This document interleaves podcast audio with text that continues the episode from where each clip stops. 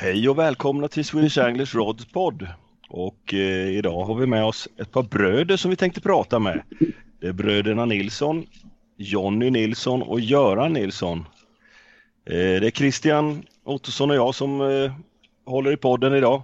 Och vi hälsar Göran och Jonny välkomna. Tack, tack. Tack så mycket.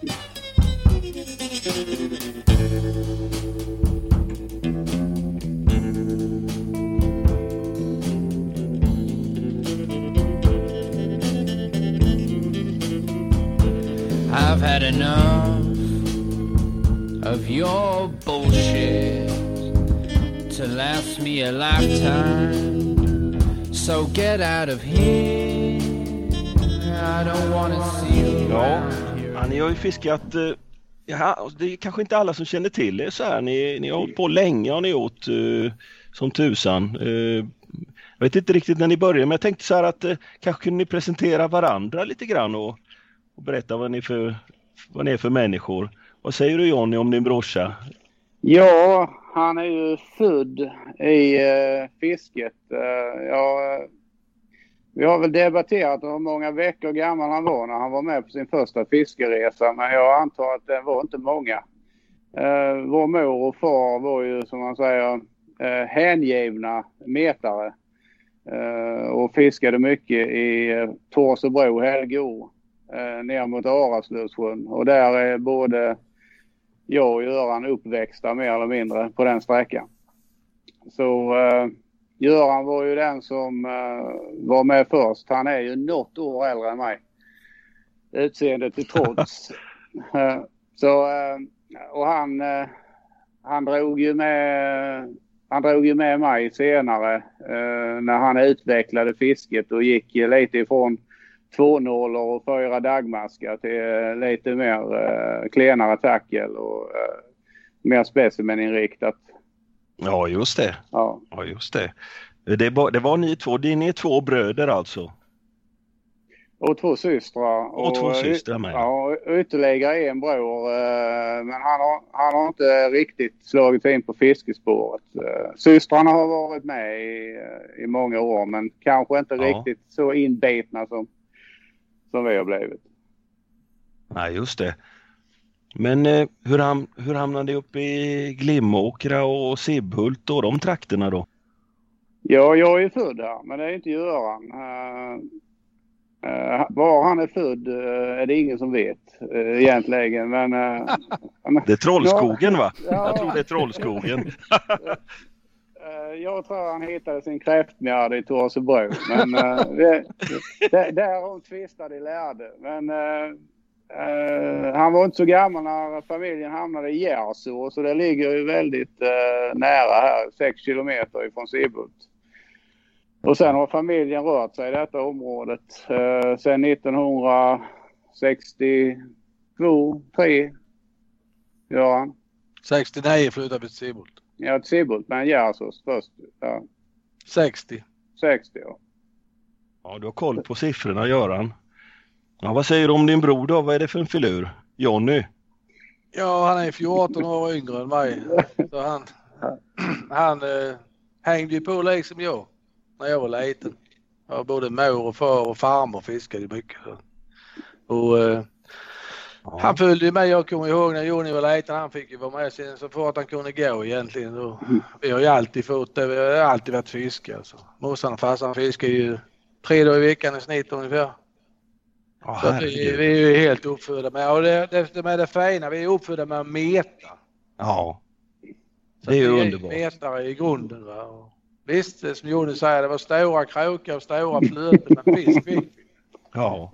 Var det mycket eh, tävlingar och sånt där? Tävlar Nej, inget, nej, inget sånt. Alltså, det var bara rent uh, nöjesfiske. Och Mysigt. var, var, var ju helgår. Stort sett. Ja. Och Be- Beivaråsån heter en å som en bei-å till helgår. Aha, ja just det. Och det var mycket stor fisk alltså i bägge de här. Eh, vi, och vi fiskade med stora grejer så vi fick ju stora fisk alltså. Ja, Och det fiskade för mat. Mycket. Vi åt ju mycket fisk på den tiden när vi började. ja just det. Abborre, färnor eller Nej, färna åt vi inte. Men gäddor, abborre. Men hur, det här med SK Glimma, hur kom det igång då? Va? Hur, De, fanns den klubben innan eller ja, hittade 82. ni den eller? 82 startade den. Det var Torgny, Karlsson, eh, Jan-Inge Månsson, Kjell Wikström som började med den här klubben och på direkt 83 så, så eh, gick jag med i den klubben då. Va? Och eh, sen började vi då, eh, var med, vi var ju med i den specimen-tävlingen. Sen började man ju tävla på det viset och sen, ja, man blir ju väldigt tänd. Man är en tävlingsmänniska och då skulle man ju liksom utvecklas och ta så mycket fisk som möjligt. Och sen hade vi ju lite, ja, lite för dåliga vatten för att vara ju topp på specimen-tävlingarna så utan vi, vi körde i våra vatten men eh, det positiva var att vi lärde ju verkligen känna våra vatten och Ja. utvecklingen i våra vatten. Sedermera blev det ju bra vatten va? Där vi kunde tävla med de stora vattnen, många, många av våra vatten. Ja, Men det tar ju tid för ett vatten att utvecklas. Va? Så att, eh, men det var en jävla rolig tid. Alltså, man, man lärde sig något fruktansvärt mycket i fiske. Alltså. Ja, Får man ingenting så måste man ju utveckla fisket så man får någonting och det, det gjorde vi verkligen tycker jag. ja. På vilket det- vis tänker du då? Alltså jag menar om du har ett dåligt fiske så utvecklar du ditt fiske. Sitter du och drar fisk hela tiden så har du en tendens att stagnera som, och utveckla ditt fiske. Ja, ja, det är sanningen. Och eh, det fick vi ju verkligen nytta av när vi sen eh, hooked upp då med, med Louis och de där uppe i de vattnen. Då kom vi upp med lite andra tackle och lite andra idéer och så rullade Ja. det på. Ja, just det. Ja, för där lyckades ni väldigt bra när ni började. Väldigt bra. Ja, Kölbydammen och Hossmån och, och Hageby. Hagebyån och de ställena. Ja. Men då hade ni lärt er på hemmaplan och fiska lite med lite finare, Ja, det finare hade vi. och... Ja. Mm, Det hade vi. Eh, Vi tyckte det i varje fall alltså. Och, ja. och sen med, då, med Louis och de dis- diskussion, diskussionerna med Louis och det, här, det gänget där uppe så kom vi fram till bättre och bättre metoder. Ja. ja, visst tusan det. För sen så slog ni ihop er också med, med Louie och... så. Ja, ja. Det blir ju så att eh, Louis och de gick över till oss och vi gjorde en storsatsning på att vinna specimentävlingen då. Det, det gjorde vi ju med. Alltså. Ja. ja, den tog ni hem eh, ordentligt det året va? Ganska lätt. Ja. Ja. Ja, riktigt kul. Och det är de åren du klippte den här eh, magiska sviten med som är Ja. så omtalad, den, den legendariska. Den får vi nästan dra någonting om och det var ju en eh, sarv va? Vad vägde den? 12-20. 12-20 ja. Det var en riktigt stor sarv på den tiden. På den tiden var det riktigt så. Fortfarande en riktigt stor sarv. Ja, det, Eh, och sen en brax. ja. Fe- 54-25. 54-25 ja. Riktigt grymt. Och så hade du en tredje firre med, det var eh, Sutan. 35-80. Ja. Ja, det var riktigt grymt det där. Jag Och så tog jag tog en hanbrax på 4 och 2 med. Ah, och så- vad häftigt. Fyra sarvar till över kil. Ah, fy fasen. På den natten ja. Ja, på ett pass. Ja. Hur gick det till egentligen? Det, jag får mig det var någon historia kring det där. Ja, historien var ju att vi satt ju alltid där på fiske på andra sidan och Louie hade sitt favoritställe på stubben. Och eh, vi satt ju där många pass och jag såg ju att det våkade mycket fisk och rörde sig mycket fisk på den tungan där ute där svanbåt var. Så jag Ja. frågade Louie varför sitter inte någon, var det ingen som har suttit där? Nej fan man behöver båt sa han, det går ju inte. Och eh, så tänkte jag liksom då tar jag med min båt och så sätter jag mig där. Så jag tog med mig en liten båt och rodde över och satte mig där då. Louie fiskade inte den natten för han mådde inte så bra så han var hemma då. Ja, ja. Eh, sen satt jag ju där och fiskade ju med frilina. Vi fiskade mycket med frilina då och eh, dagmask. Ingenting, alltså bara krok, dagmask och lina då. va. Ja. För Väldigt fisken närdistansfiske då. Ja, och så fisken skulle ju inte känna heller motståndet. Nej. Alltså de hade ju märkt att fisken högg sämre eh, efter nå- något år då de har fiskat med swingtip och så. Alltså. Ja. Då tänkte jag att då är det frilägarna som gäller för det hade jag ju fiskat med förr. Så, Mm. så, eh, så började jag ju med, med sätaren. Sen på kvällen så kom ju sarven in och sina, när jag hade fiskat och tagit de sarvarna så var jag, jag brukar aldrig fiska precis mitt i natten eller sånt utan Nej. jag, jag rodde tillbaka till bilen sov en timme, en och en halv och sen när jag rodde tillbaka då så så hade jag faktiskt, alltså det, det låter kanske som en skröna men det är sant. Jag tänkte så hade jag tagit två sådana djävulska fiskar, de andra med i två arter alltså. Ja. Jag visste det var stora brax. Alltså, tanken kom ju där att fan tänk om man kunde få en braxajävel där. Och så när jag kommer dit, hade inte suttit länge, jag såg det var stora fiskar rörde sig. Då slängde jag ut liksom frilägen mask igen och jag såg bara det började resa så där. Ja. Frågade vad fan är detta? Liksom, upp kom det direkt, det var ju grunt där. Ja. Det var bara ja. ryggen på braxen. Man tänkte jävlar i min själ, det är en brax. Då fick jag in den där så stod jag liksom det här, min femkilos räcker inte. va. Så jag sä- säkrade den då och så ringde jag Blomqvist. Vi hade mobiltelefon på den tiden så jag ringde Blomqvist och Mikael Fråga- Blomqvist, ja just det. Blomqvist, "Vad kan du komma och väga min brax? Visst, Ja. 5 för 25. Men han har nog tappat ett häck för den har spottat upp en jävla massa mat. Och, det var ju ändå en rejäl fisk. På, den Ja. tiden, på den tiden var det en rejäl brax. Ja, för tusan. Verkligen.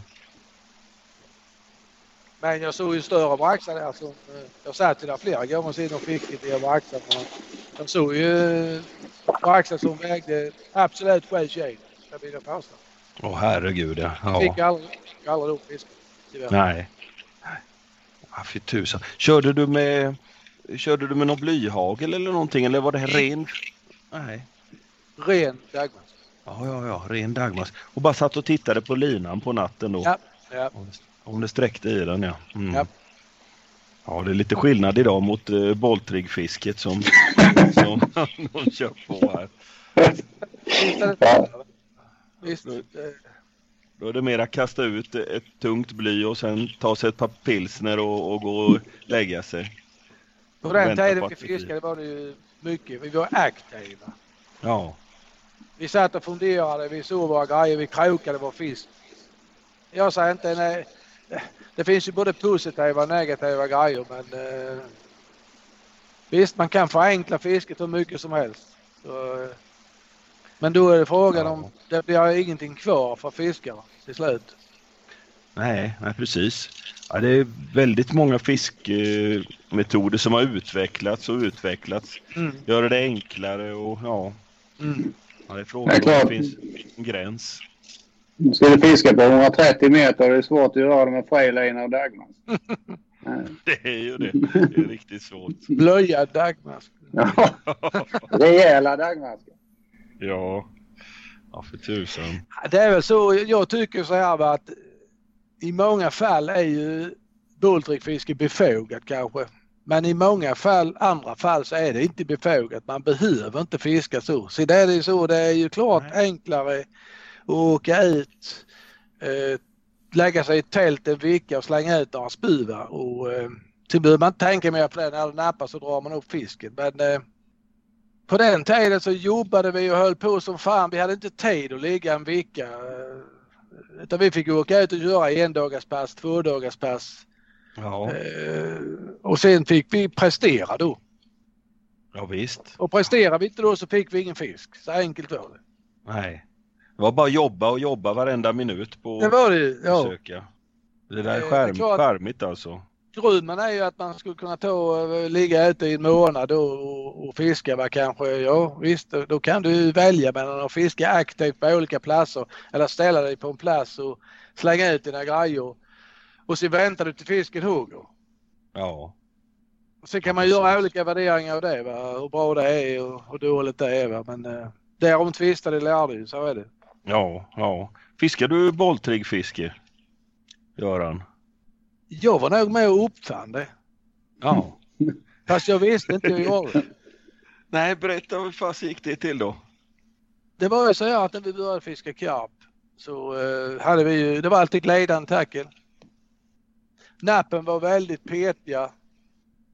Ja, De reste sig liksom där vi hade som nappindikatorn folie eller vi hade enkrona, var det en resig lina och så krokade vi fick fisk. Navkapseln, Men- det. Men vissa, men vissa napp och screaming, det var small iväg linan. Ja, ja, ja. Och det begrep vi inte riktigt på den tiden att då hade vi uppfunnit bulltriggen genom att vi hade snott det glidande tacklet. Ja, det hade trasslat sig. Exakt. Ja. Så det kom vi på oss in långt, långt efter. Att det var ju ett bulltrigg tackle vi körde med många gånger när vi snodde ett tackle. Då. För där fanns det inga anti-tangle tackle eller på något vis. Nej, nej. Utan att eh, när vi kastade ut då så snodde vi tacklet. Och sen blev det ett screaming tackle. Ja. Vad var det för vatten ni fiskade i då? Var det Vittsjön och de här? Det var ju, jag fiskade eh, mestadels i Perstorpstrakten där. Alltså, vad heter det? Henrikstorpssjön, Ja. Perstorpssjön och Svenstorpssjön. Det var de Ja. tre. Ja, just det, just det.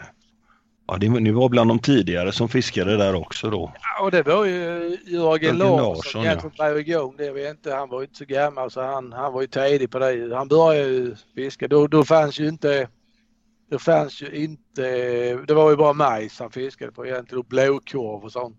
Ja, Men sen så kom ju bull, eller här vad heter den, uh, boilsen då ju. Ja HP-betet som de Ja, ja. kallar det för. Ja. Och där satte vi ju rätt i kroken. Därför Herringen var inte uppfunnen då när vi började. Ja. Nej, Så eh, vi, vi satte det rätt i. Nu efter det är jävligt suspekt. Står och Ja. rätt genom boilis. ja, det, ja precis. Ni måste bommat mycket fisk då också va?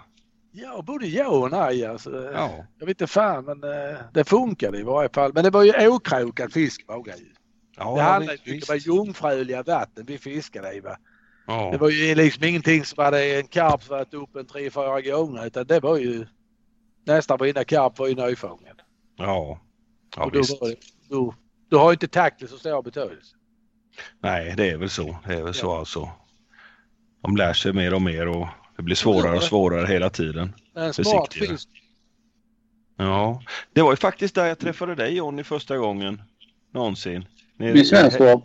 Nej. Henrikstorpsjön.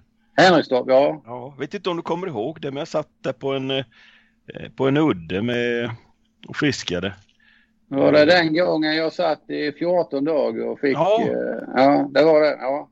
Du, du, jag kom bort till dig, vi kom bort till dig och pratade lite och du satt och läste, jag tror det var den här Kevin Maddox Carp Fever satt och läste i. Jajamensan. Drömde dig bort. Ja.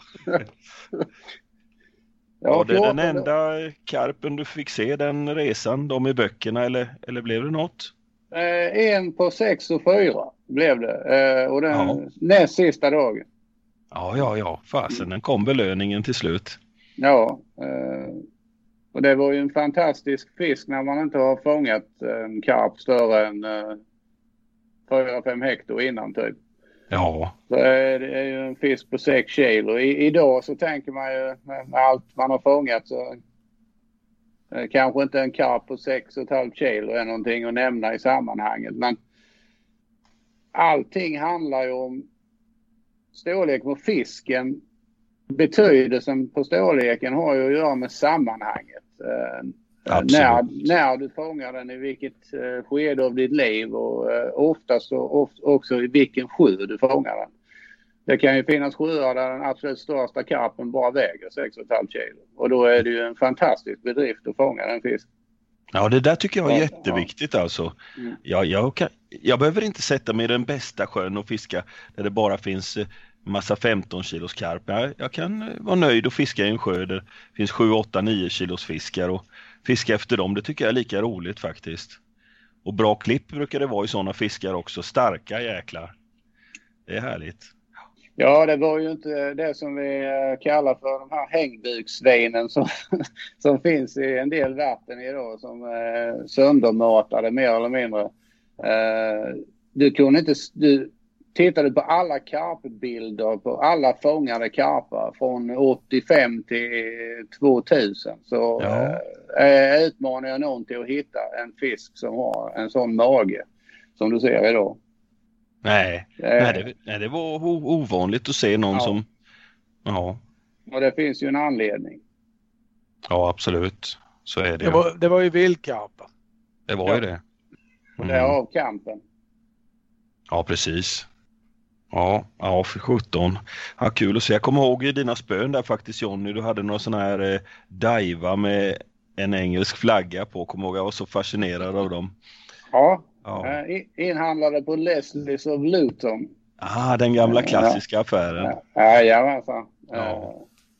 Eh, Diva... köpt- Jag köpte tre stycken Tricast Karpsby 11 fots 1985. De fiskar jag fortfarande med. Åh fasen! De har jag aldrig sett, Trikast Trophy. 11 fots alltså. Jajamensan. Tro- Trophy vet jag inte om de heter men eh, Mm. Tricast Karpsby var det ju.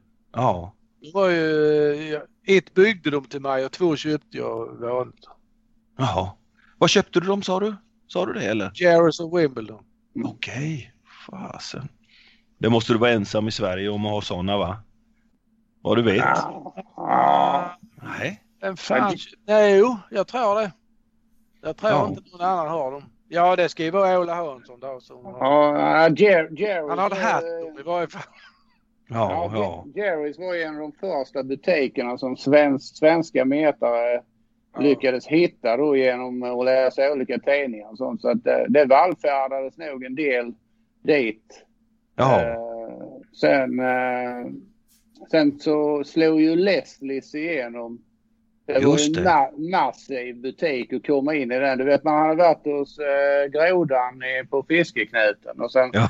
sen, sen, sen kom, kommer du in till eh, Leslies. Det var som att komma in i en stor sporthall. Det var bara full med all, all typ av fiske du kunde tänka dig inom meter. och har, du varit, har ni varit där alltså eh, och handlat och ni har åkt Ja. över dit och, Mm. och köpt grejerna? Jajamensan. Ja, det, det var, då på den tiden när vi åkte dit första gången, där fanns det ju ingenting i Sverige att köpa. Alltså, Nej. jag när jag började specimenfiska 1978, då fanns det ju inte mäsk ens. Alltså det, det fick du ju... På något Ja, vis så lyckades ju... eh, Ja, det var ju havregryn och det var eh, ströbröd och sånt. Men, men alltså på något vis in eh, i början av 80 då så lyckades ju Rutulus fixa British Ground Bite, hette det. Aha. Lyckades få fatt i en säck per man då vårdade man ju den jävligt ömt. Det var ju fantastiskt mäsk vill jag påstå. Jag vet inte om det finns idag va? men det var ju jävligt fint mäsk alltså. Ja, Och det var ju så vi började. Vi, ät- vi fick ju liksom utveckla oss själva, blanda mäsk, hitta olika recept i tidningar. ja. Eh, och Blinker och de tidningarna hade man ju som man läste i. ja, just det. Man lösläste allting. Och, Beställde ni hem kataloger och sånt från England också? Det minns jag att jag gjorde, men det kanske var ett senare skede av specimenfisket som de gjorde kataloger, Leslies of Luton och ja, det Tacklebox. tror jag, jag tror det var ett senare skede. Wow. Där fanns inte någonting då. Utan att... Eh, jag minns man ringde ju dit någon gång gjorde man ju. Ja, ja. Jerrys och Wimbledon hade jag ju jävligt bra kontakt med. Ja, ja, ja. Men eh, jag tror det låg ner sin. Mm. Ja, det, den låg ner i början av 90-talet faktiskt. Eh, Men eh, De satte ju upp, de satte ju upp en bild på min svit där. Asså? På Jerrys och Wimbledon och så skrev, skrev de inofficiellt World Record. Då. Ja, vad häftigt alltså. Och så var ni över, reste över och, och Ja. gick i de här butikerna med då? Jajamän. Jag var ju, jag var ju sån här flötesfreak. Va? Det var bäst jag visste. Och Den, den, den, eh, den sektionen flöte, va? det var ju typ Ja, den var ju stor som större än Ja. Grådans affär alltså. Det var ju helt Ja. sjukt. Alltså. Ja, jag måste rätta min bror där. Han var inte ett flötesfreak. Han är och kommer Ja, det alltid att för- förbli. Ja. ja, det är flötmeter som gäller för dig Göran va? Det är den roligaste metoden. Jag brukar fiska det som är effektivt och man säger, förutom det finns vissa begränsningar. Men jag, om det är flötmeter eller bottenmeter eller så, va, det är sin sak. Men flötmeter står man ju väldigt... Men Ja, vissa gånger kan man inte ta på flötmeter kanske. Då får man ju ändra sig. ja, Men, ja. men det är väl det som sitter i ryggmärgen på oss alla tror jag. Ja. Alltså väldigt många. Eh, om vi tittar på vår generation Palle och, ja. och, de, och de som är äldre som, eh, som min bror då. Mm. Eh, det, De det- riktigt gamla där. Ja, precis. Ja, de riktigt lastgamla. Men det, det är ju det första minnet man har egentligen. Det är ju ett rödvitt flöte eller som i, i mitt fall och Görans fall säkert också en termoskork som försvinner under En termoskork? Jajamensan. I getmeter framförallt var det termoskork som gällde. Ja. Jaha, men hur fasen ser en sån ut? Det kan jag inte... Ja, tänk, dig, tänk dig Ja. en termos, bara Ja. en kaffetermos. Och så ska du fylla det hålet med en kork. Alltså en eh, riktig kork tillverkad av naturmaterial. Ja, ja, ja. Ja, ja. Såna! Ja, Gjorde ni flöten utav dem alltså? Alltså Ja, gör du hå- hål i det så stoppar Ja. du linan med en tändstick. ja. ja, ja. ja. Mm. Men jag tänker, vad fan gjorde ni med alla termosarna sen då? Nej, man, man kunde köpa korkarna löst. Så. Ja, ja, schysst. Ja, det var ju Det var, det var ju med en grej som vår mor de fiskade ju gädda med betesfisk. Ja, De hade aldrig ett drag, det ägde de inte. Så vi fick ju redan då lära oss att fiska predatorer med betesfisk. ja, just det. Häftigt alltså. Och det fortsätter vi med. Ja, jag, jag håller med er alltså. Allting ska metas, det är det bästa. När, Meter, flö, när flötet sjunker det är det underbaraste som finns. ja det är det. Det är det. Ja, det är svårt. Det är det, är som, det är det som sitter i ryggmärgen. Det är, och när man har gjort, jag tror varenda fiskare i hela Sverige som har flötmetat och tycker det är kul. Har du suttit på ett pass en, två dagar eller någonting och Mhm. så kommer du, kommer du hem. Vad ser du när du blundar? Eh, Nu tänker du nattfiske, då ser jag ju en Starlight. Ja, Ja, eh, exakt. eh, du ser flötet med och utan Starlight. Och det Ja. är, Ja, det är väl så. i, i en hel dag efter så fort du slut i ögonen. Och det, Ja. ja. Så är det verkligen Ja, det- alltså. det är svårslaget. Det, Ja. det, det, det kommer nog på toppen av listan. Vi Ja. gled, vi gled ju från karpfisket lite där. Vi gled in på det igen. Ja, men det gör vi. Du har ju en, eh, en eh, magisk perm som eh, man skulle kunna betala massor med pengar för. med, med karputsättningar som du har skrivit upp, som du har hört talas om och så i, ifrån nordöstra Skåne. Hur många Ja. karpvatten finns det i den egentligen? Ja, jag tror jag räknat till 21. 21 ja. ja. Det är grymt det. är det. Där finns, Med 10 plus. ja. Det är mycket pärlor där i. Ja, och sen har vi då över hälften de är 15 plus. Ja. ja jo, det är vi bra förskånade med faktiskt. Eh, det, fåglarna har varit duktiga med att flytta karpron till olika sjöar. Ja, men det Eh, händer ju så. Ja. Det är bara att det, det är bara att tycka det är bra alltså. Det är bara så. Ja, man kan ju säga faktiskt att eh, Lönsboda, Glimåkra, Sibbhult, ja det är ju eh, Sveriges karpmecka känns det ju som. Det, Det är det är det. där man ska, ska man fånga sig en eh, 15 kilo fjällkarp, då har man nog st- störst chans där i hela Sverige. Det tror jag med. Ja. Får Mm. inte säga naturkarp också. Ja. Eh, kanske Det är ju aldrig vild- det är krokar. vildkarp. Ja, vildkarp. De är ju riktigt vackra är de. Här finns ju en gammal god tradition. Jag tror att om du tittar runt Sibbhult, Glimåkra, Lundsboda och eh, allting här så har du under 1800-talet också haft eh, flertalet karpodlingar. Även 19. Ja. Ja, och även in, in på 1900-talet. Och, eh, när, man, när man avslutade dem så var det inte så att du tömde eh, karpodlingen, att du bara öppnade spjällen och släppte ut allting. Så att eh, åarna runt omkring här har ju liksom, här har ju funnits karp i eh, 150 år minst. Ja, Eh, också naturbestånd. Så att, eh, ja just det. Ja. ja, det är en naturlig fisk i era vatten är det. Ett Vad- tips är ju faktiskt de som vill ta en stor karp på flytande bröd ska besöka Sibbhultsån och nerströms. Ja, ja. Spännande på flytande bröd ja. Det är någonting för dig Christian, du gillar ju det. Mm. Det är det fina. Mm. Sitter och skriver med pennan va? Ja, jag memorerar här nu. Mm. jag får skicka GPS-position. Ja, ja precis. Ja. Nej, yt, ytmetet ligger ju mig varmt om hjärtat. Ja, det är... Där är stora möjligheter men det är ofångad fisk så att Ja, vad häftigt alltså. Ja, Jag har hört talas om att man kan se från vägbroar och sånt eh, eh, karpa simma under dem och så här. Stora stim kan komma. Det är nog i Heligå tror jag, om jag- och lång, neråt eh, Mm. Kristianstad kanske någonstans. Och, Ja, Helgå. jo, precis. ja, ja, Helgården är ju ja, just det. Ja, som, som sagt, det läckte ju ut i uh, den karpodlingen som finns, fanns här i Sibbhult. Den är ju kanske en kilometer ifrån där vi sitter just nu då. Och den Ja. läckte ut i, i det som är Sibbhultsån och sen blir Beverösån och som sen kommer ut i uh, Helgå.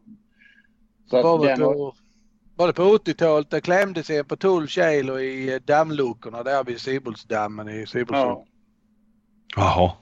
På 80-talet ja. Ja. Ja.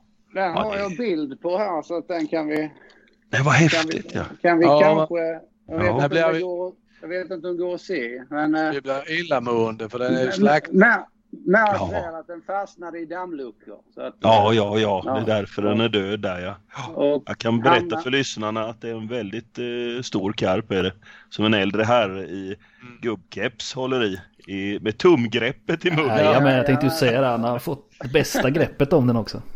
ja, ja. Det gör inget om han hänger upp den i en Bessman Nej. och väger av den sen. det Den, den är riktigt död. Ja, fy fan. Den dog nog i damm, i dammluckan där. Den var Ja. nog död, när han tog upp den. Ja, just det, just det.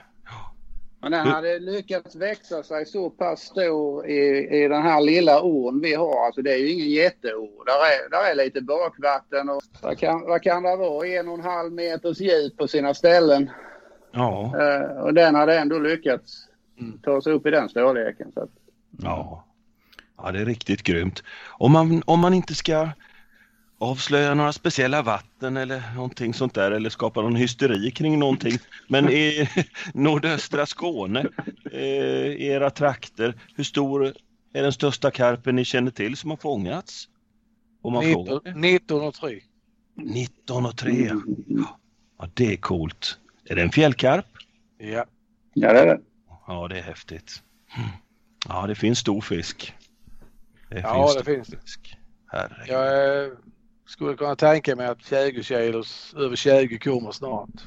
Ja, Och då ska man ju också veta att de karparna, en 19 kilos karp, eh, är rena mardrömmen att ha på ja. i våra vatten. Ja, det kan jag tänka mig. Jag har känt på några stycken där jag har ju fått fiska, fått eh, möjlighet och jag har varit med i Glimma och fiskat i, i Stensjön. Mm. Riktigt häftigt vatten har det varit att fiska karp i. Starka fjällkarp, alltså det var skriker och näckrosorna sprutar åt alla håll. Ja, det. ja, riktigt Och det- fränt. Där är ligger utmaningen. Ja. Eh, Ja, det är vårt Den- klubbvatten. ja, precis det ska vi väl säga också. Så det inte blir rusning dit eh, med en gång. Utan, ja. Men eh, jättefin sjö. Jättefin sjö. Mycket fint. Sen har vi Ja. ett klubbvatten till som heter Östersjön. Ja, det är ju inte den Östersjön utan eh, även kallad Lilla Bän. Och det Lilla är bän. Okej. Jättefint vatten med ja, sätar över fyra, brax på sex har de tagit där. Och Wow. ett försurat vatten som en referenssjö som inte får kalkas. Just det. Så, eh, Jag har talas om den, du har berättat om den många gånger. Det har gått upp och ner med braxarna i vikt och det har varit lite si och så. ja. Nu, nu är det upp då. ja, alltså den är svår den sjön eftersom att eh, den ändras så mycket och nu har de ju gjort ett kolhygge nära där och det påverkar sjön. Det ser vi ju nu att det, det börjar påverka sjön det här kolhygget men eh, ja, vi vet inte men eh, ett försurat vatten bör ju kunna och det är ju dessutom en av Sveriges mest mygglarvs, alltså fjädermygglarvs tätaste vatten. Okej. Eftersom, eftersom Länsstyrelsen tar, tar prover där hela tiden så vet man ju detta va. Ja. Men varför är det mycket mygglarver i ett vatten? Har ni funderat på det någon gång? Nej, i våra vatten är det väldigt, Ja. alltså sten, Stensjön är med fruktansvärt med mygglarver. Ja. Eh, ja. Ja. Då kanske vi ska gå in på det här varför fiskar blir stora. Och... Ja, det, är, det är, tycker jag är jättespännande. Och det har Christian tjatat om hela tiden. Så här, bara, det måste vi, det måste, måste vi, vi höra. höra. Men sånt är ju sjukt intressant ju. Det är ju... Ja, det, det är en viktig punkt. Ja. Det är en mycket viktig punkt och eh, jag har faktiskt skrivit ner några, eh, en fuskelapp här. Eh, om vi ska säga så här va. Det jag, det jag tror. Det finns Mm. ingen vetenskapligt bevisat men eh, jag har ju dock varit ute vid sjön en hel del, vid sjöarna en hel del så jag har lagt på mig en del Erfarenhet. det. Ja. Och, eh, och då, då, då har vi det vi snackar om att tillgång till mat. Alltså, nu snackar vi om naturella vatten. Mm. naturella vatten. Då är ju tillgång till mat va? och det har ju visat sig då att eh, det är jävligt gott om fjädermyglarver i våra vatten där vi har stor fisk. Ja. Och eh, det, det kan vi konstatera i och med att vi har ju folk som jobbar för Länsstyrelsen och Fiskeriverket som eh, har de uppgifterna. Om hur eh, tätt det är med fjädermyglarver per decimeter då till exempel. Ja.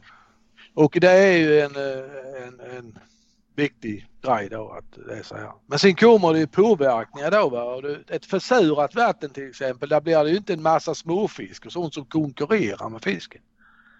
Med den stora ja fisken. precis. Ett Mm. försurat vatten med tät fjädermyglarv, det är ju ideella vattnet för, för mig i varje fall. Mm.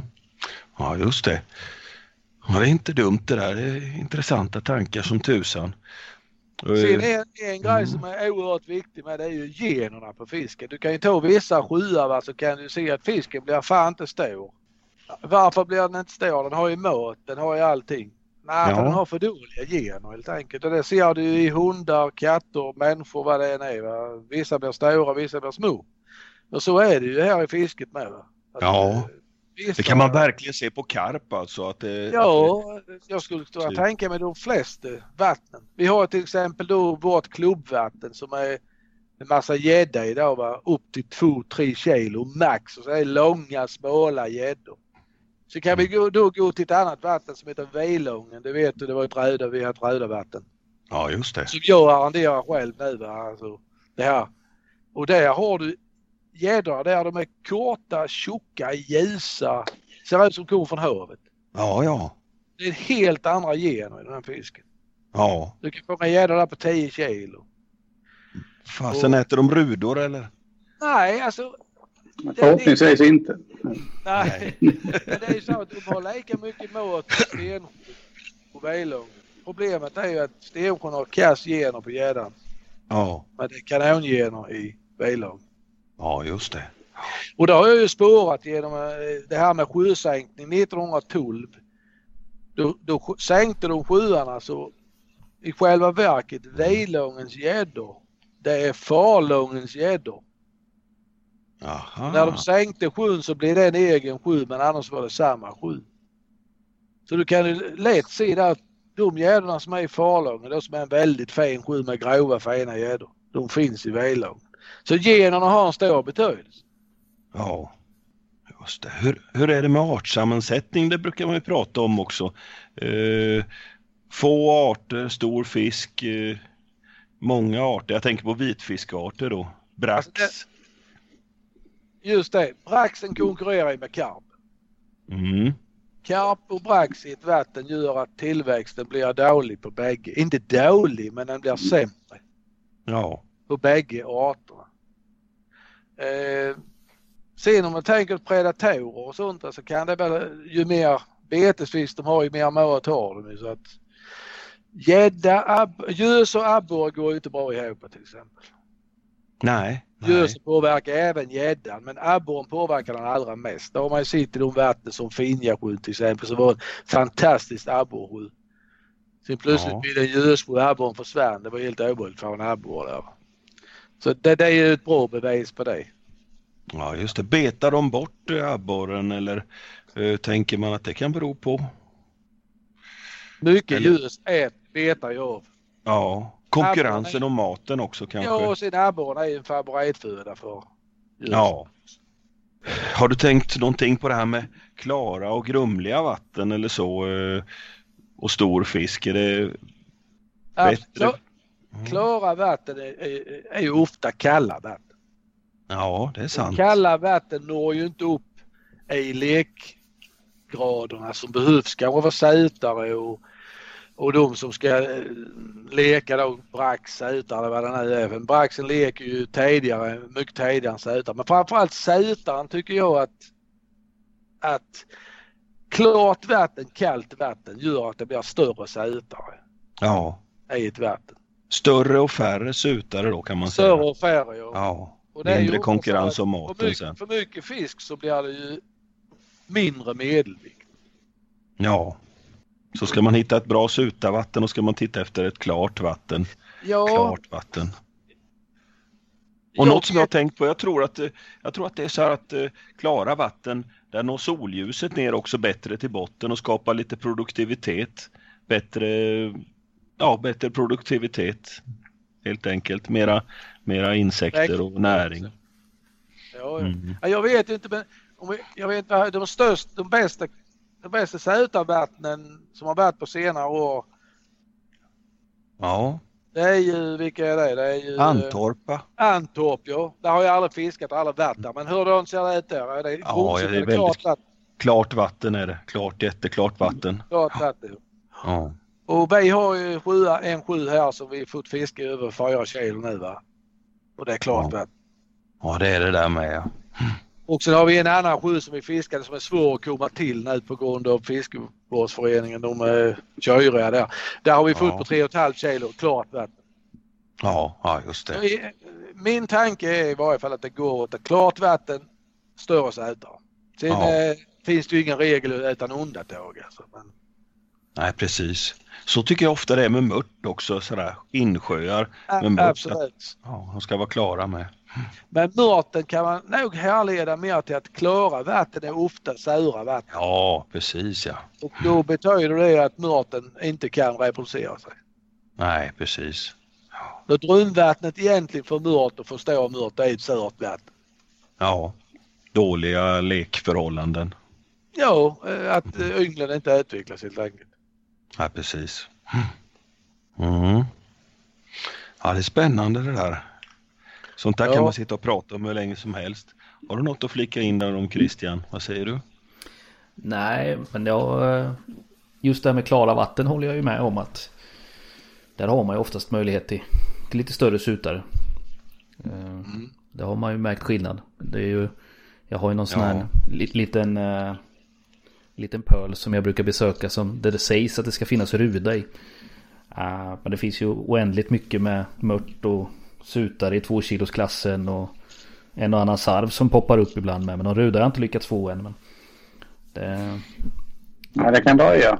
Ja, de är ju inte så lätta att komma åt när det är sådär mycket av alla andra. Då. Nej, alla andra arter hinner före och Ja. äta upp mäsket och sånt där. Och, Och det är, Ja, räven är försiktig. Absolut. absolut. Eh, jag tänkte på eh, flake in då liksom med, mer med det här med eh, artans storlek och vad det beror på. Ja, Vi måste ju gå in på det här med fiskuttag till exempel. Många gånger förstår fisk så kan att ett fiskuttag, alltså att man plockar upp fisk, kan vara positivt. ja För just att det är det. för mycket fisk i ett vatten. Många vatten har man ju sett där, där det finns yrkesfiske till exempel. Typ Bomsjön, Ringsjön, abborrarna är väldigt stor medelvikt. Mm. Idbosjön som är lika stor sjö som inte har yrkesfiske har du en lägre medelvikt i abborrarna tack vare att det inte är ett fiskuttag tillräckligt mycket. Så det är inte bara negativt med fiskuttag. Många dem känner kanske så här att allt ska, allt ska släppas tillbaka, catch and release på allt och sånt. Men eh, många gånger är det fiskevård Ja, som gäller och då får man faktiskt bita det sura äpplet och, och tona lite fisk. Jaha. Det ska vara lite som i skogsbruket, man ska gallra lite och Lagom skapa bäst. utrymme för de andra. Exakt. Ja, precis. Så, eh, och sen kan vi vända på det här med fisket. Överfiske Mm. får ju inte heller finnas. Alltså överfiske med yrkesfiske men även överfiske på catch and release. Ja, just det. Alltså det är min egen, min egna tankar det är så här va, att eh, om du drar en fisk upp och ner hela tiden, många, många gånger. Ja, så eh, kanske inte det är så bra för fisken. Nu vet jag att det finns undersökningar på catch and release, kanske mest på gädda och sånt här va? men man får ändå tänka så här att eh, många, fisk, många fiskar, om vi nu, nu räknar vi naturliga vatten igen, inte vatten som Rögle dammar där du slänger in massa mäsk hela tiden och fisken lever stort sett på det. Jag tänker på naturliga vatten nu. Att om du då eh, som eh, Brax till exempel simmar omkring där och eh, blir uppdragen en sju, åtta gånger på maggot och, och mask så blir du ju försiktigare. Ja, visst. Så är Och din, din, din ättakt minskar. Ja, det är så du tänker ja. Visst. Och visst. där, därav att ättakten minskar så minskar din viktökning i procent. Ja. Till och med konditionen går tillbaka och Det det, går kan bli en mager fisk. Ja. Det är bara en tanke jag har. Ja, men den tror jag är väldigt... eh, Det, det stämmer nog väldigt bra det där faktiskt. Det, man ser Alltså, man det har ju ju på... sett genom... Ja, vad sagt det? Ja, nej, man ser ju, just de grejerna ser man ju på eh, predatorer framförallt menar jag att har de en gång blivit fångade på, på ett sätt så är det ju väldigt ja, kommer de upp igen så har de ju oftast gått tillbaka. Mm. Ja, verkligen är Eh. det så. Det, det, det har man ju sett. Det är sällan att en gädda blir större än Nej men den blir ju försiktigare. Så är det ju bara att har den bitit över en en, en wobbler eller en betesfisk eller vad det kan vara för någonting så har ju det ändrat deras sätt att jaga på säkerligen. Eller att de ser på ett annat sätt på betet. Eh, Men däremot om man kollar på vissa karpar som kan komma upp ganska ofta. De kan ju ha lagt på sig två, tre hekto på två dagar istället. Så de verkar ju inte påverkas på samma sätt. Men då är ju frågan påverkas man tittar på andra fiskarter. Jag tänker då brax, sutar och sådana här saker. Mm. Mm. Ja, jag tror ju definitivt på det. Alltså, min tanke är just det, just karpen går ju utanför den skålan när det gäller det. Va? Men jag tänker också att karp idag, alltså det är ju mycket mäskning. Det mäskas ju något fruktansvärt alltså i, i vattnen, många vatten. Och de här karparna som är där, de, de får ju naturligtvis inte samma försiktighet. Men om du tar naturliga karpar som i våra vatten då där det finns vissa av våra vatten som är väldigt lite fiskade i. Mm. Där är det ju jävligt, eh, alltså om man tänker så här, va, när, när en fisk kan äta det så nappar han ju direkt. Men du sedan fiskat i några år så blir det sämre och sämre. Ja. Och därav att man får ju fiska med de här bultrigg, kortare riggar och det ena med det andra. Va? För att fisken, det är baserat på att fisken ska bara känna på betet och fasta. Ja. Ja. Men det vanliga fisket vi sysslar med innan är ju att du ska, fisken ska hugga på betet. Ja. Vilja ja, ha betet du ska kroka fisken. Mm. Så att där är ju lite sådana tankar här- hur det påverkar. Alltså, eh, Ja, det är mycket sånt där nu som har kommit med sigrigs och grejer. Man sätter på en korkbit eller någonting och fisken bara för att den, eller karpen och bara för att den är nyfiken så är den tvungen att gå fram och smaka och precis. Ja, och pop-ups i gula färger och sånt där. Det är, Det, därför menar jag att, eh, att det finns två sätt. Det finns ett fiskuttaget som kan vara dåligt, positivt och dåligt och det finns ett överfiske som kan vara dåligt. Alltså och även, även i catch and release, inte bara nätfiske då va. nej. Det finns ju vi sportfiskare måste inte, vi kan inte titta på nätfiske rent generellt som värdelöst för det kan vara bra i vissa sjöar. Sen förstår jag att nätfiske bland abborrarna uppe i Mönsterås är rena vansinnet. Men alltså det, man får titta på olika vatten Ja, för att absolut. få stor fisk nu. Just att varför det finns stora fiskar på vissa ställen och så vidare. Ja. ja, sjöar och sånt där reproduktionen lyckas väldigt bra. Där, där blir det bara dvärgbestånd utav eh, fiskarter om, de, om man inte gör ett uttag som du säger. Mm. Och jag tror ju stenhårt på att Rögle dammar hade inte varit vad det är idag om inte det hade funnits kräftor där. Som äter upp rommen så det inte blir mer fisk. Ja, det är det de gör. Det är därför det inte blir. De är, signalkräftan är de största romätaren vi har i ett vatten. Det är så ja. Jag har alltid funderat på det, varför de inte leker eh, fisken och varför det inte blir massa yngel. Och Jag leker gör de men ja, eh, ja. där är så mycket kräftor i de dammarna så de äter upp det direkt. Ja, just det. Några få klarar sig det givetvis men det är perfekt för reproduktionen på det viset. Men hade de inte haft kräftor där så hade det bara varit en jävla massa småfisk. Ja. Även, även en del av de som klarar sig eh, stryker ju med på grund av signalkräftan. Det är en aktiv jägare också. Det är inte som flodkräftan. Nej. Eh, så att, eh, och det, det har man märkt om man har försökt flötmäta lite in till kanterna i Rögle dammar. Så märker man hur eh, kräftan påverkar. Det är nästan Ja. omöjligt. Eh, Ja, vill du, vill du flötmäta kräfta? Det är ju fantastiskt. Ja. Ja, ja, ja. Man kan fixa ihop sig ett litet kok där då till Ja, snapsen. det, kan du nog göra det tror jag. Ja, ja. Ja, det ser man. Men det där tycker jag är rätt vanligt när man fiskar i flötmetare i vatten med, med, med ganska mycket kräftor. Flötet börjar vandra Ja. iväg. Oavsett vad man sätter på kroken så ska de på i alla Ja. fall. Det kan vara... Man kan köra med allt möjligt. Om det är kikärtor, majs, mask. Det spelar ingen roll vad man väljer. Man ser... Ja, de är alla. Ja visst, man De ser alla att flötet börjar gå ganska omgående. De är på allt. Ja, Ja, vi, vi har som tur var inte så mycket signalkräftor. Där vi fiskar. Ja, det ja, underlättar. det är skönt. Ja, det, det är inget bra det där. Det, det är bara så. De är jävligt goda att äta och dricka en snaps till men eh, Ja, resten. ja precis. ja, det är härligt. Sen eh, får jag svänga ämne här. Börjar fundera Ja, men- på den här Mörrumsån. Den har ju blivit så på tapeten nu. Alla ska åka dit och meta stora idar och dra sig en tre kilo sid. Men, Är den på eh, tapeten nu? Ja, den är ju det, men jag skulle komma till det att den var ju på tapeten för många herrans år och då hade ju ni den här eh, ån, Mm. arrenderade den i SK Glimma. Vilket år var det? När startade fisket där? Och hur såg det ut då? Jag kan säga jag, jag vet inte året. Nej, nej, nej. Men jag kan berätta hur det gick till. Ja, Jag skulle Eh. misstänka om jag får gissa 89. ja det var där omkring då. Mm. Ja, det är nog så nära jag kan komma. 90 kanske där. Men i varje fall så var det ju så här då att eh, Rune Karlsson och Per Torstensson hade varit där och fiskat färna. Mm. Och jag hade tagit fina färnor och sånt då. Och så pratade jag med dem och sånt och jag har tagit färnor och fina färnor där och sånt. Så där, fan vi kör dit och titta på.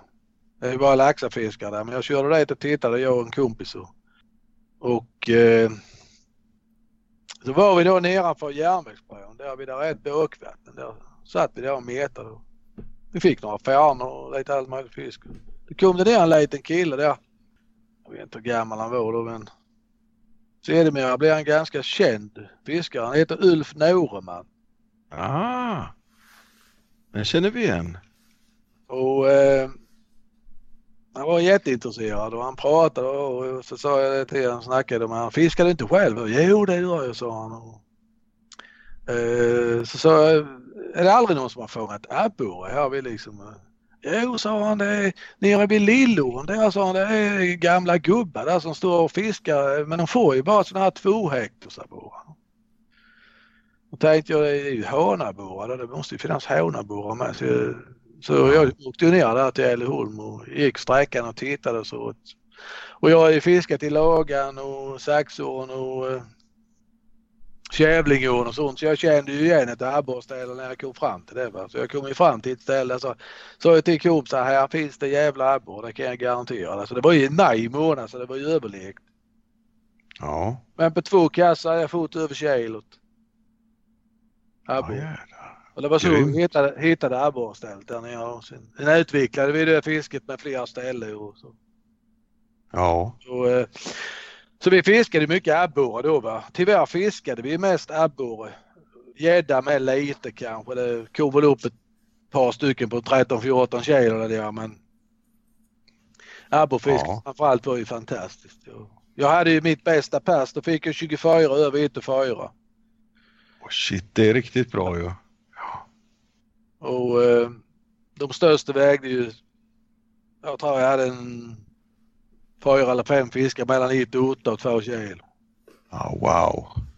Klev, du över, klev ni över två kilo där nere någon gång? 2050 fick jag. Ja, och klubrekordet togs där. Det var Oh, 2200 eller 2300. Jag har faktiskt inte det i huvudet. men- Nej, men det var inga gummijiggar på den tiden. Som- Löja. Jajamän. Vi fick inte ja. fiska med jigg. Nej, nej. Det är ju känt för en annan art, Mörrumsån, kan man säga. Ja, ja precis. Det är ju så. Men du Ja, plockade, ni plockade en del på lövmask och sånt där också va? Eller? Ja, det började vi fiska med. Men sen kom vi på då att eh, när vi fiskade gädda så fick vi abborre. Ja. Så då körde vi, men sen körde vi bara med betesfisk istället. Ja. Ja just det. Och det tror jag tog pro- vi, det tog vi ju jävligt stora fisk. Alltså jag menar vi, fick, vi fiskade ju ett abborre men jag fick, jag fick en öring på mellan 9 och 10 kilo på löja. Ja, wow. De det släppte vi ju direkt alltså. Det var ju liksom inget. Vi fick lax, allting. Den nappade ju som fan på löja. Alltså laxar och så. Ja, vad Och häftigt. Knappade på bröd också. Ja, på den tiden så var det så här lite känsligt med alltså att vi hade ju specialtillstånd Ja, med, med markägarna och de var ju ovänner markägarna och eh, eh, Sveaskogs domänfisket då va. mm. Så när jag kom så var det ju krig där nere mellan dem för de höll ju på och liksom eh, ja i stort sett eh, dra till rättegång att eh, deras gråfiske skulle de kunna få utveckla då va. Aha. Så jag, jag fick ju till ett möte med, med bägge parter då va. Och sa det, det löser vi så jag och SK Glimma arrenderar detta och eh, så sköter vi det här men vi har vissa platser vi fiskar så behöver vi inte inkräkta på laxfisket. Och det köpte de. Ja, Sen hade vi, hade vi det i jätteläge i många, många år.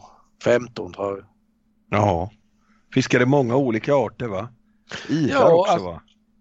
Eid och vimma, mört och björkna var väl det som, och gädda, abborre då, Ja, som vi fick. Mört fick vi på 940 eller 960 var den största. Wow. Eida tog vi väl, det var väl kring 3 kilo men de har ju blivit större och större de här Eida. Så Ja. nu ligger de väl på toppen prime time.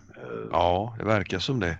Vimma fick vi ju över kilot i varje fall 1150 eller sånt där. Björkna 8 hekto. Ja, Det var ju stora fiskar men de här fiskarna mört och, och björkna de har ju i stort sett försvunnit. Där. Ja. Sista ja, tiden vi fiskade så fanns inte det mycket sånt kvar. Nej, Och, det var fisk som steg upp från havet då va? Ja, och abborren går tillbaka. Så samma problem som hos er egentligen. Ja, det är ju det. Ja, Känner igen det där. Mm. ja. det gör jag verkligen. Ja, ja det är likadant. Det har Börjat i samma ände med mörtar som har försvunnit och, eh, och björkna bestånd som har försvunnit och så också. Det, Men det, det känns ju så här att när det gäller Murumsån så när jag började fiska där så gick det upp stora mängder med, med mindre abborre. Alltså. ja, Och, eh, sen försvann det successivt. Till slut är det bara större abborre kvar. Och det känns det igen på något vis. ja, det känner man ju igen. Ja. Och då kan man liksom undra lite vad det är som påverkar detta då va. Mm. Jag, jag kan ju inte låta bli att komma tillbaka med skarven alltså för att det var ju i den vevan den började etablera sig. Ja, det stämmer Det blir fler och fler och fler och fler och ju fler det blir ju mindre abborre kom det upp. Och björknan försvann totalt. Mörten har försvunnit successivt.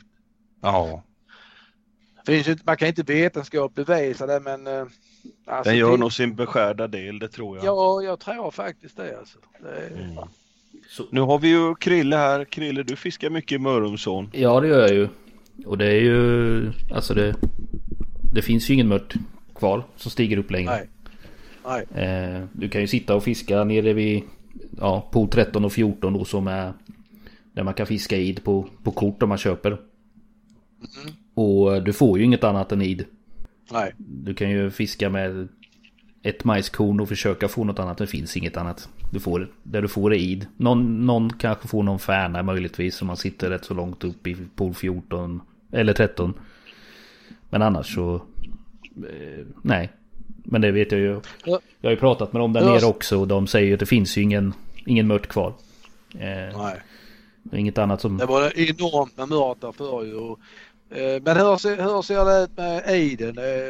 Eh, Är uppgången på Eid kraftig eller det är väldigt dålig uppgång på Eiden från havet eller? Jag tror att det är ju egentligen inte, det stiger ju inte alls lika mycket id som det gjorde förut utan det är ju helt enkelt att de har blivit större. Men det är ju inte, mm. mängden har ju minskat där också.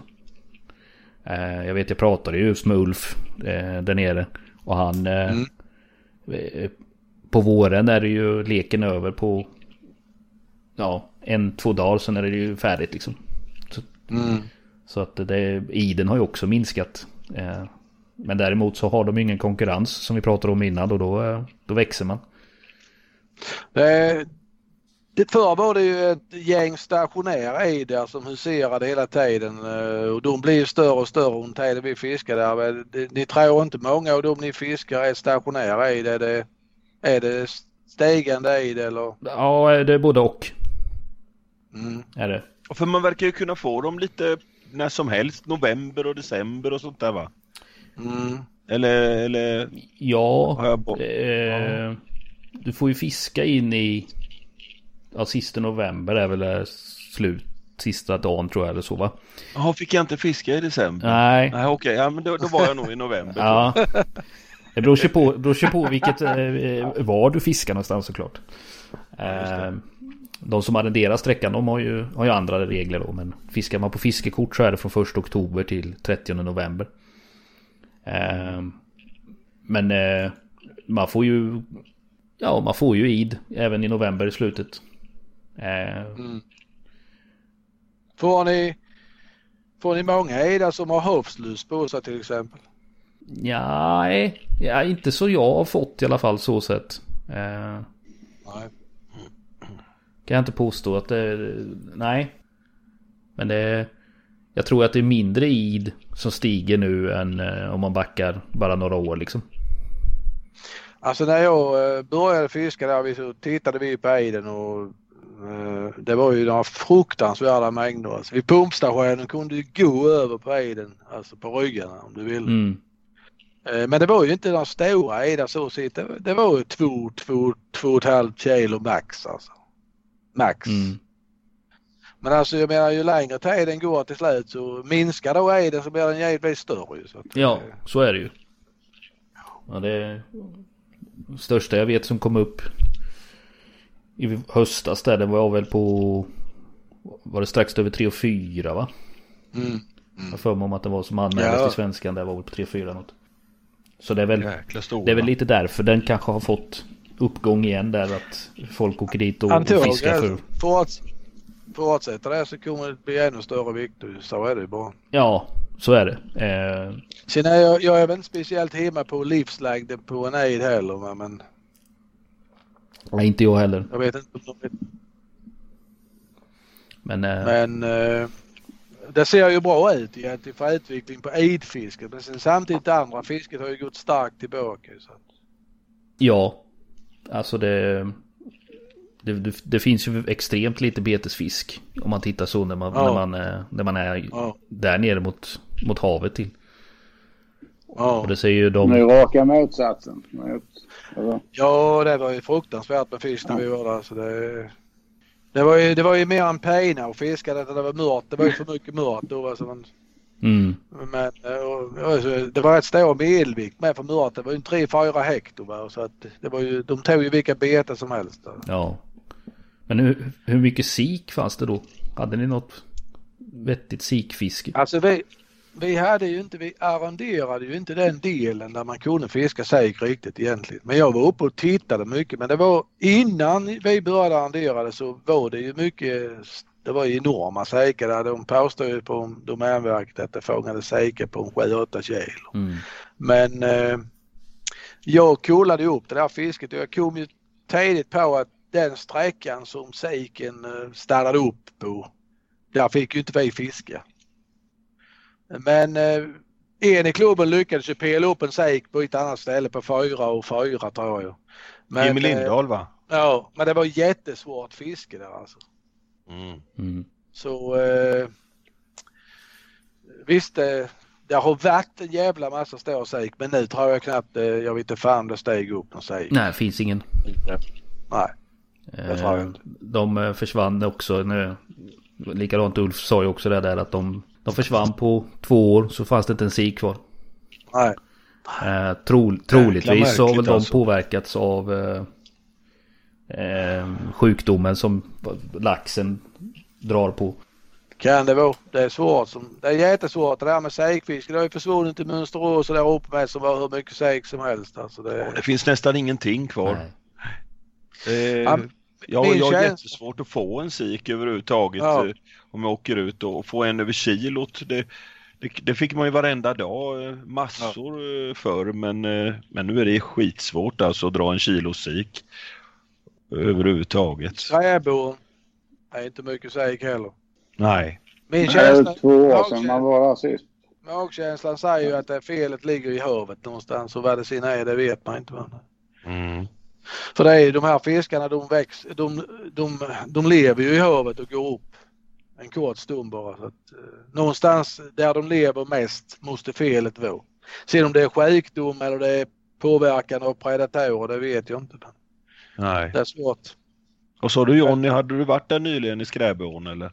Ja, eh, jag var ju där året efter de eh, förbjöd mormyskefisket. Ja, ja. Ja. Och det tyder ju på lite, alltså. Jag hade, jag fick ju bara nöjs om det här mormyskefisket. Så eh, åkte ju dit. Jag hade mormyskor med mig. Jag funderade på hur de fiskade egentligen. Och det kom ju några sikar så du kunde ju se dem komma. Ja, Totalt ointresserade och det, det tog ju inte så lång tid att lista ut att eh, enda sättet de kunde fånga de sikarna på det var ju att matcha mormyskan med inandningen. Mer eller mindre. Så nej. du, du la mormyskan i munnen på dem. Ja, ja, ja. Ja.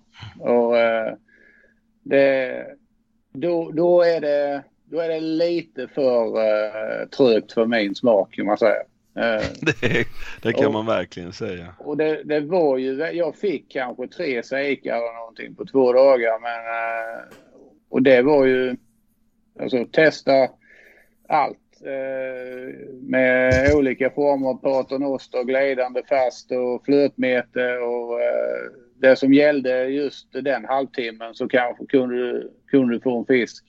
Men det var ju, det var trögt för eh, 30 år sedan ja, men eh, nu är det ju brutalt.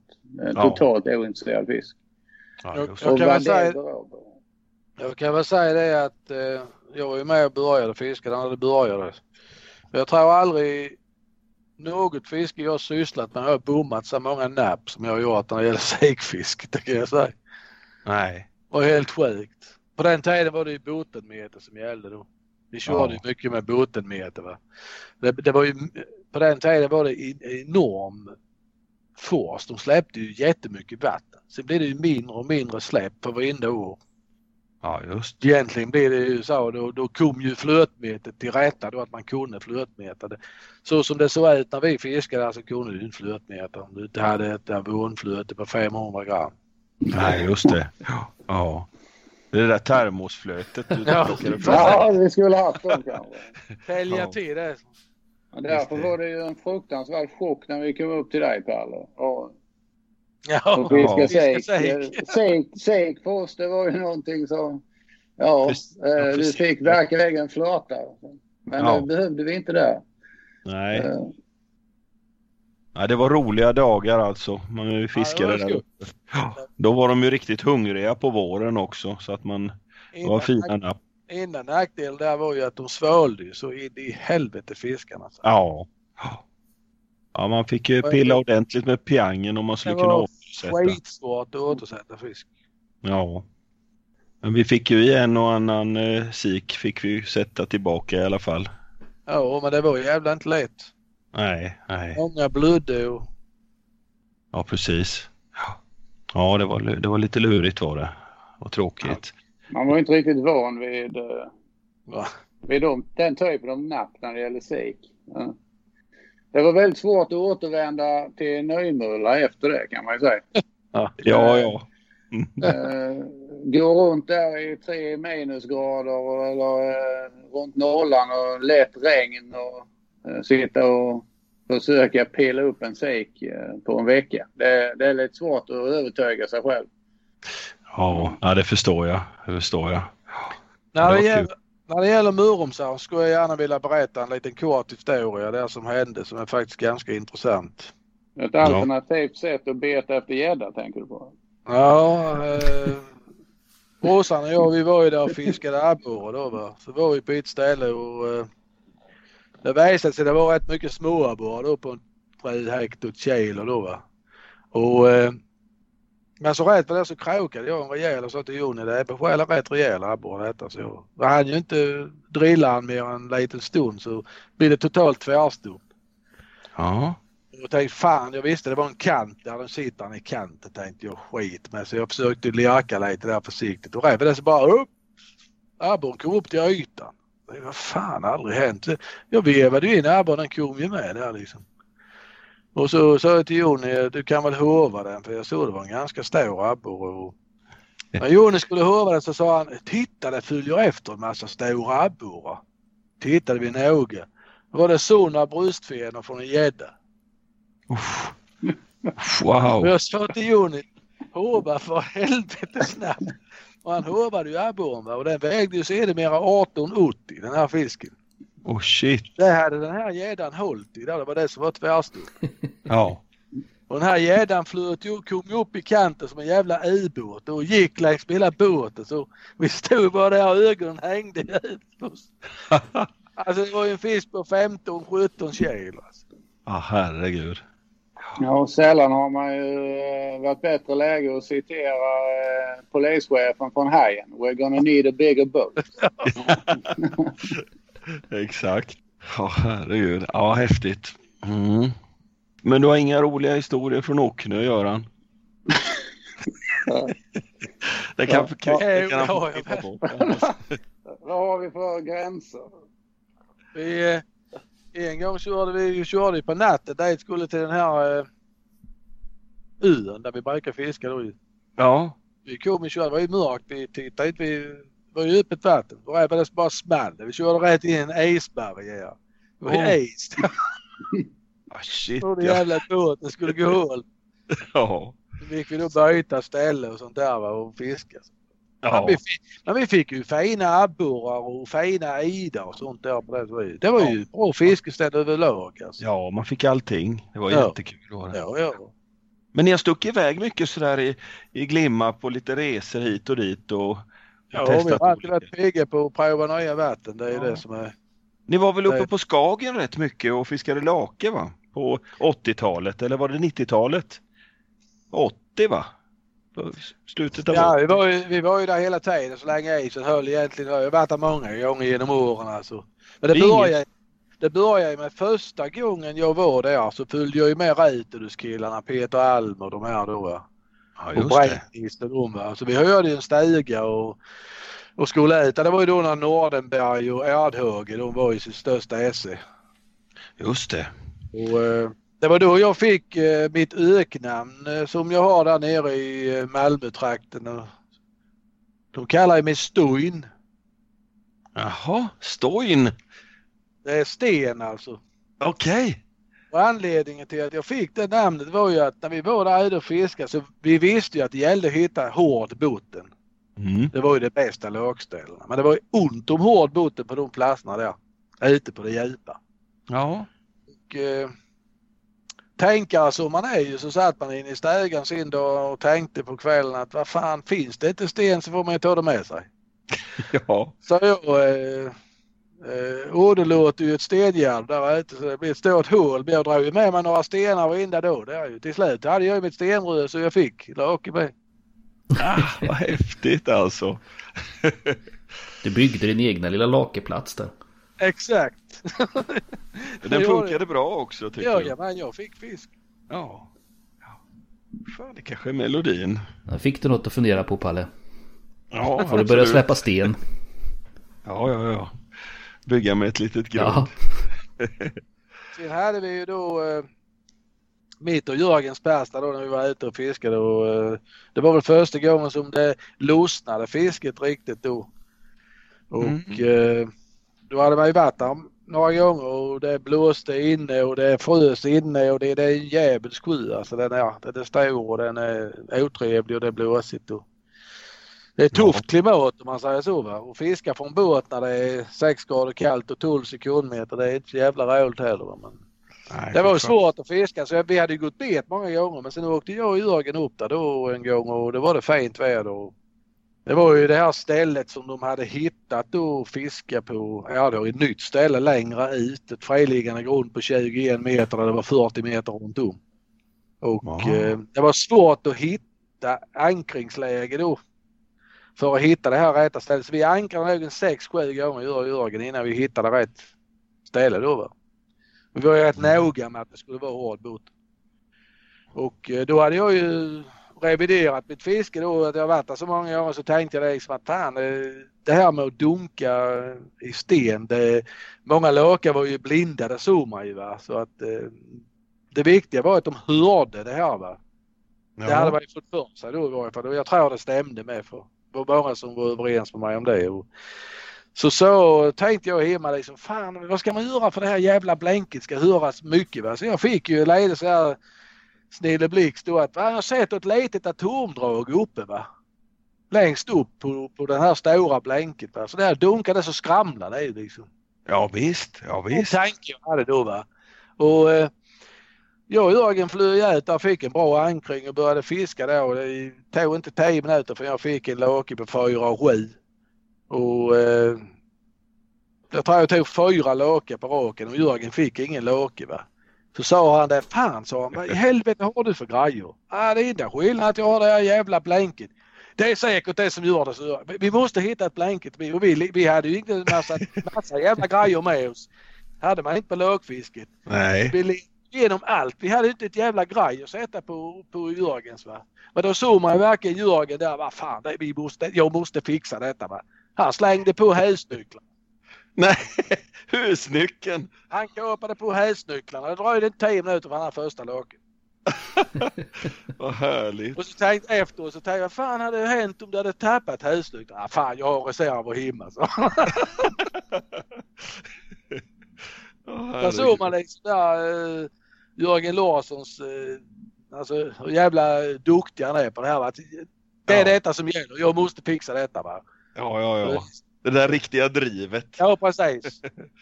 Ja, det är och det har han fortfarande. Det är högjakt det han för. Det är helt otroligt vilket driv han har i fisket fortfarande. Ja, ja. Häftigt. Man måste vara beredd på att offra. Ja, det kan man lugnt säga. Så det, det var ju en fantastisk resa där. Då tog vi ju många fina lakar. Vi tog ingen över fem kilo men det var många strax under. Så att, eh, ja. Har ni hört något ur det idag nu där uppe? Ja, ja. Ja, jag funderade faktiskt häromdagen på det här. Va? Och det kommer ju cykler. Det är alltså förr eller senare kommer laken i skogen till att bli stor igen. Va? ja. Jag vet inte om någon har testat ens det. Nej, ingen aning heller. Det var ju number one i Sverige alltså. Det var ju, alla skulle till Skagen. Det var ju verkligen. Och Det var ju outstanding. Alltså. Det, Ja. det går inte att beskriva vilket, vilka lagsnitt det var på fisken där. Alltså, det, ja, då när jag och Svenne var ute så hade vi en medelvikt på, alltså det måste varit nära fyra kilo. Åh herregud ja. ja. Och jättemånga fiskar så det, det var ju nästan ingen fisk under tre. Nej. Och toppar på 5 och 350 hade vi den största. Ja. ja, det var min dröm att få åka upp dit och, och, och pimpla lake men eh, Ja, jag var lite för ung för det. Så när jag väl hade skaffat körkort så var det slut på det där. Alltså då när inte isen sig fisket från eh, båt, det var ju, det var ju liksom rena lotteriet. Du kunde ju ligga där uppe i många dagar och inte komma ut. Mm. Eller kom du ut och inte kom in. Ja precis, det gjorde vi det med. Vi frös ju in i isen där uppe en gång. Nej. Jo då. Så det var, Fasen. varit mycket elände men också mycket roligt i den sjön. Som tur var hade vi mannen med världens kortaste efternamn som kunde rädda oss. Det var en gammal, far, en ga- gammal farbror som hette Ingvar U. Ö. Han räddade oss många gånger. Både det Ja. ena och det andra. Den gången. Han, han drog upp oss med traktorn den gången. Ja, Oj jösses ja. Åh, Vi skickade i land den som vägde minst i båten. Ja. Eh, och det var inte så- jag. Nej, det var inte du heller jag. Eh, Nej. Hur fasen menar du ni skickade i land den som vägde minst? Skicka upp Isen låg isen ju eller? sig när vi... Isen låg i två delar. Ja, ja. Så den ena isen höll en människa att gå upp. Ah. Just Ja, det det. var tufft det. Fy fan. Ja. Och sen det värsta var ju att sen körde vi hem. Men hade vi stannat en natt så hade vi kunnat gå ut och fiska låk. Ja. Fasen. Och den missen har vi gjort två gånger. Ja, ja, ja. Ja. Vi var uppe i Dellen med ju och fiskade låk. Ja. Delsbo. Ja, är just det. Är lite... Dellensjöarna. Ja. Mm. Och det var bara Jo. Jonas Holmqvist och Patrik Hector var med. Jonas Holmqvist och så eh, Rune Karlsson. Rune Karlsson med. Ej att förglömma. Ja. Nej men det... Och du var- lyckades resa var- det med eller? Nej det var det Ah. väl inte. Eh, till, att börja, till att börja med så var det väl... Ja, det måste ha varit en meter snö. Ja. Ja, ja. Ja. Du fick skotta dig ner eh, och sen göra hål och så fick du hoppas på att du hittade hyfsad botten. Eller var det bara att eh, simma vidare i snön och gräva ett nytt hål? Det var ju gott om smålåke, sådana här sådana små ödlor typ. Men eh, Ja. det var ju inte, alltså man, men det är ju ganska typiskt med för att man pratar ju mycket om de lyckade resorna men skulle man berätta om alla dåliga och misslyckade resor så eh, de är många fler än de lyckade om man säger så. Ja. ja så och det är det. är ju faktiskt så här att man har ju lärt sig mycket av de här misslyckade resorna. Man gör ju det. Ja. Ja, det gör man. Hade man inte gjort de misslyckade resorna så hade man kanske inte lyckats så bra sen i framtiden. Nej. Och man har många roliga minnen från de misslyckade resorna Absolut. också. Absolut. Roliga epis- episoder man råkat Just- ut för och sånt där. Man får ju mer tid över att tänka i varje fall. Ja, det får man. De har sitt värde de också, de dåliga passen. Man måste ha dem. Ja, Ja. Absolut. Annars, Det härdar. Det härdar. ja hade man lyckats varje gång så kanske det inte hade varit lika roligt heller. Nej, absolut. Nej. Och likadant. Ju längre, man får, ju längre man får vänta på en stor fisk, som det målet man har på en stor fisk, ju roligare är det när man tar den. Ja. Ja men så är det Det är ju. ju bara så. Och likadant att misslyckas du eller inte lyckas. Den är ju hårfin vad som är vad men. Man, man får ju i alla fall fundera på vad man gjorde som kanske inte fungerade och ändra om och testa nytt och hela den biten. Exakt. Är, så den, de är viktiga. Man får inte ge upp för lätt liksom. Mycket viktigt. Och det, är- alltså, det är väl ganska no- normalt för oss specimenfiskare. Vi ger ju egentligen inte upp. Vi är väl lite galna på det viset kanske. Man ger ju så aldrig. Man sätter sina mål. Jag kommer ihåg, alltså, jag vill påstå att den, den, den fisken jag blivit gladast över, det var min första brax över 10 pund. Man satte Ja. en gräns. Förr var 10 pund en stor brax i England och då satte man ju den gränsen i Sverige med. Ja, just det. Och som vi får runt det. Så jag, jag vet att nästan exakt 480 timmar la jag innan jag fick den fisken. Åh herregud ja. Ja, det var... eh, Fy fan vad jag var glad när jag fick den fisken. Var hittade du den för någonstans då? I Hagebo. I Hagbyån ja. Ja, den gamla klassiska. Härligt. Ja, det kan jag tänka mig. Men vi var ju även i Härsjön. Där finns också en liten historia om det om du vill jag ska dra den. Ja, gör det. Det är härligt att höra. Jag, Jörgen Larsson och Per Torstensson åkte upp till Härsjön. Ja, och det var ju tidigt när Härsjön var upptäckt. Och då hade ju de killarna från Bollebygd, de hade ju mäskat till oss där uppe på ett ställe då att vi skulle fiska. De var varit jättehyggliga och sånt och lagt ner mycket tid på det. Så vi åkte upp där vi gjorde det här stället där vi skulle fiska. Då var, detta var i september, slutet av september tror jag det var. Och eh, vi tittade ju lite på sjön och tyckte alla tre att det här stället kanske på hösten var för grunt ja, Och så såg vi mitt emot, det var en väldigt brant eh, topografi på land och vi förstod ju att det gick ut i sjön där så att vi tänkte där skulle man egentligen sitta. Vi, vi började diskutera det här då att ska vi sätta oss där istället och skita i deras ställen? Sånt där. Ah. Inte de har lagt ner så jävla mycket jobb på detta. De säger att man får fisk. Alltså, vi sitter här då va. Jaha. Satte oss där. Det dröjde inte mer än dagen efter då så kommer det ett gäng där och det var, det var Tultjobröderna från Stockholm då. Ja, just det. Och eh, de körde förbi där vid verkar som de ville sitta där vi satt men de såg ju vi satt. De körde bara förbi. Körde bort och satte sig på det stället som vi hade tänkt som en husplats då. Ja. Och eh, sen dröjde det dagen efter så kom de bort till oss. Och tjena, har fått några brallor så. Nej, Ja. jag har inte haft ett napp så vi. Åh fan det är baka brallor överallt där borta sa de. Har de tagit över fem kilo. Vi Åh, fick jäklar. inte ett brax på fyra då. Nej, fy Jo, fasen. jo. Satt ni vid det- badplatsen då? Ja. Ja. Och då, då, då, då, då sa jag liksom, då tänkte jag så här, och jag skrev ju så här, här lita på dig själv Ja. och dina egna uppfattningar om fiske. Visst, det kan vara bra att kompisarna mäskar och sånt men att kunna läsa ett vatten och lita på det, det ger alltid bra resultat. Absolut. Det är ju grejen verkligen alltså. Och det är, det är samma sak som Köbydammen. Ja. Ja, det gjorde du din grej och den gick hem. Exakt, exakt. Där letade jag på min egen liksom att det här det ska bli bra, det här, det här ska det vara bra. Och det är ju en grej som man måste göra tycker jag. Man har lite lätt och det har väl jag med. Man har lite lätt att låta kanske någon annan ta det jobbet då. Och då Mm. leta upp en plats och sen sätter man sig där. Ja.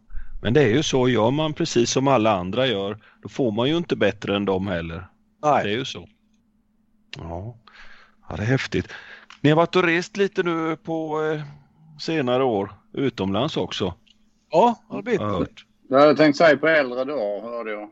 Ja. Ja. Men du var rätt ung när du började Jonny. Du var, var väl iväg på de här eh, Frankrike-resor och lite sånt där va? Ja, ung och ung. Jag vet, inte, 21 var jag väl. Ja. När Det begav sig iväg. Första gången. Utanför Sveriges gränser. Ja. Och eh, ja, det var ju så att jag och Ola Hansson åkte över till England. Eh, för att handla lite fiskegrejer. Och det var Leslies i Luton. Och där träffade vi ju Mm. Legendariska karpfiskare och eh, försökte dammsuga dem på all information vi kunde få mer eller mindre. Och, eh, en av dem vars namn jag inte kommer ihåg men han var fruktansvärt lik Freddie Mercury. Aha. Ja, han, eh, han hade varit och spelat in en film i Frankrike i eh, Lac du Der Chantecoq som är en hyfsat eh, känd sjö nu för tiden. Eh, Ja. Då hade vi inte hört talas om den. Eh, och han gav oss en eh, VOS på det. Den fiskeresan. Och eh, den åkte vi hem och tittade på och de fullständigt öste ju upp karp. Och då kan du tänka dig 92 så var man inte van vid att ösa någonting i, eh, när det gällde karp. Nej. Som sagt, det var ju 14 dagar en fisk på 6 kilo och eh, de drog ju alltså, ja, jag vet inte hur många ton karp de drog men det var helt vansinne. Ja. Och jag har sett eh, den där filmen alltså, det är sjukt. De springer Ja. omkring i leran och, och bara häver Ja det är det du har sett. Ja, det har jag med sett. Ja, Ja. Du, har sett, du har sett när Freddie Mercury han mäskar med två stycken kobra och står och gräver i säckarna och slänger ett Ja. broilers. Ja. Ja, just det. Ja, det är så. Så att eh, sagt och gjort. Vi eh, planerade ju detta snabbt. Eh, och eh, stack ju några veckor senare. Eh, och tillsammans med två danskar, eh, Sportdress-gänget. Ah. ja. Och I bil. jajamän, Ja. Två bilar då. Ja, två svenskar och två danskar. Kommer fram till det vi, vi visste det var lagt det där Chantecoq. Men det var svårt att känna igen för det var inget vatten. Vad Eh, fasen. Ja. Nej, det var bara stubbar så långt ögat kunde nå. Ja, då hade de naturligtvis dränerat hela sjön. Och det, det tydligen gjordes det en gång var 20 år eller någonting. Och vi lyckades komma exakt. där. Ah. Ja, ja, vad gör vi nu? Nu är vi i Frankrike. Uh, vi har inte vi har inte hittat, uh, vi, har ingen, vi har inget fiskevatten. Vi vet inte hur vi får fiska heller. Uh, så vi hittade en stad i närheten där som heter Sarreborg, inte Strasbourg. Mm. Uh, och den turistinformation och så skulle vi försöka förklara för en frans, fransk kvinna att vi ville fiska och det var inte helt enkelt. Ingen av oss kunde franska. Och, jag som gammal anglofil har ju totalt ja. vägrat lära mig franska. Uh, ja. Men till sist så lyckades vi uh, på något vis härma en fisk och uh, hur man krokade och, och så vidare. Till sist så okay. sa hon ah, permis du pêche sa hon.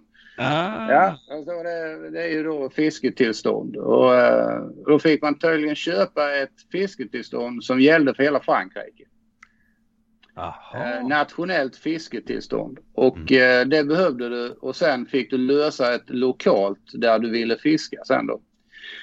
Som tur var så hade ju Ola och Sport gänget de hade ju hört talas om eh, andra sjöar de, där de hade fått tips. Och eh, vi lyckades ju hitta telefon och ringa och och så fick vi tips då om en annan sjö som heter Etang du Stock.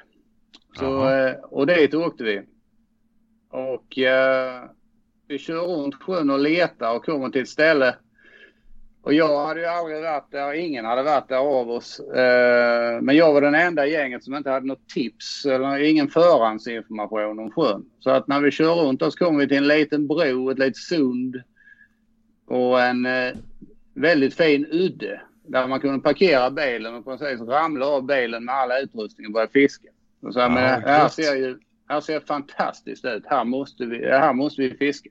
Ja, ja, ja. Ja, sa de andra. Ja, jag håller med. Det ser bra ut. Men, vi har fått tips om ett ställe här där de har tagit mycket fisk och så vidare. Vi vågar inte chansa. Vi måste, vi måste ta det stället.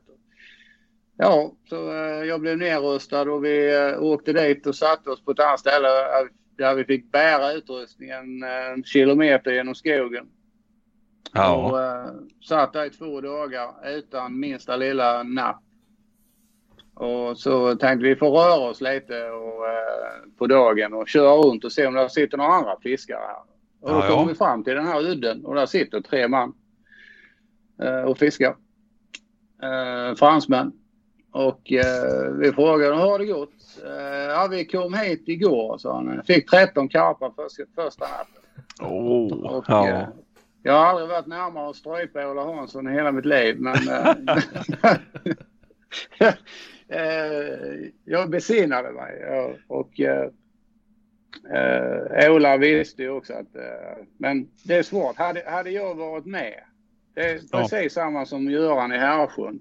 Ja visst. Man, man går på sin eh, magkänsla och men hade jag varit en del av de tidigare samtalen och fått samma tips som Ola så mm. hade jag också valt att sätta mig på en säker plats. Ja. Eh, det är jag övertygad om. Men jag hade ju fördelen av att inte ha någon förhandsinformation i det läget. Men vi återvänder till uh, vår plats och uh, Ola, jag vet inte om ni har fiskat med honom uh, någon natt. Alltså. Jag, jag, jag är grymt imponerad av Ola Hansson att han, han har fiskat så många nätter själv på så många platser. Mm. Och jag förstår inte hur han har klarat det men eh, han påstår att han sover aldrig. Och jag tror honom. Nej. För eh, det var väldigt svårt att sova i hans sällskap. Eh, minsta lilla ljud så eh, vaknade han. Och eh, vi hade rätt mycket ljud runt tältet. Jaha. Och vi funderade på vad fan det kunde vara för någonting. Eh, vi kunde inte lista ut det. Men eh, på morgonen så skulle jag gå ner och eh, ta lite vatten, koka kaffe. Och då ligger det någonting precis och skvalpar in till, in till land där. Och, eh, Aha. Då eh, upptäcker jag vad det kan ha varit som har strukit runt tälten. Och det var en, eh, det vi kallar för vannaröta. Ja, ja. Eh, en råtta alltså eh, i eh, mindre bäverstorlek. Shit, ja. Och det var ju det var ju vad som när vi kröp in i tälten så kom de ju fram. Ja. Käka Jo, boilie. du måste gå upp toaletten grabbar. Och jag, jag visade denna för Ola. Och fy fan. Ja. Ja, nu vet vi i alla fall. Och natten därefter så ligger vi och sover det börjar skramla i tältet. Och eh, så tänder vi alla lamporna. Vi, vi ligger ju bredvid varandra med lite mellanrum i kappsängarna där. Och så ser vi hur hela tältduken, den, eh, botten på tältduken, den höjs upp så. Nämen. Ja, Och sen går, går, går, går en sån djävulsk bäverråtta under hela tältet. Ja. Och sen, Ola lät mig inte sova en blund den natten heller. Ja. Ja, herregud. Och rent fiskemässigt ska vi säga så att Ola lyckades landa en karp. Ja. Eh, mitt resultat blev en brax på cirka 6 hektar. Ja, det är härligt. Ja, och det är som man säger, man lärde sig mycket av den resan men det var ju inte, det är ju ingen som går till historieböckerna rent fiskemässigt. Nej. Eh, danskarna Min- hade roligt i alla fall. De hade en eh, tre liters gammeldanskflaska som stod eh, på ett frukostbord där. Eh, Jaha. ja. Men det, det- får man ju lära sig någonting av. Och det, jag, tycker det här med magkänsla, det ska man gå på. Ja. Eh, ja, det säger ni båda två. Det Ja. jag, jag kan bara hålla med alltså. Eh, Jag tror på det där också jättemycket. Vad säger du på Krille? Har du någon magkänsla? Ja men så är det väl. Alltså du Ja. följa alla andra och göra precis som alla andra så Ja då får du ju samma resultat. Ja. Det gäller ju att Jag tycker ju det här till exempel med och, eh, det som engelsmännen kallar för stalking. är någonting man sysslar med för lite i Sverige. Eh, att eh, istället för att åka och sätta dig i... Karp är ju ett vanligt, alltså min stora hjälte förutom eh, min bror då. Naturligtvis måste jag ju nämna. Eh, ja, jag är under kontrakt att nämna detta. Ska jag säga. Men eh, inget, inget tvång alls. Nej, det är klart. Det är ju Matt Hayes och han, han är ju fantastisk på just, och just det här med att identifiera alla vatten han kommer till. Eh, och inte, inte sitta där alla andra sitter och, eh, och framförallt inte sitta stationärt och fiska utan röra sig runt vattnet. Eh, och, jag har ju sett han komma till vatten där det har suttit karpfiskare i 14 dagar utan att ha haft ett napp.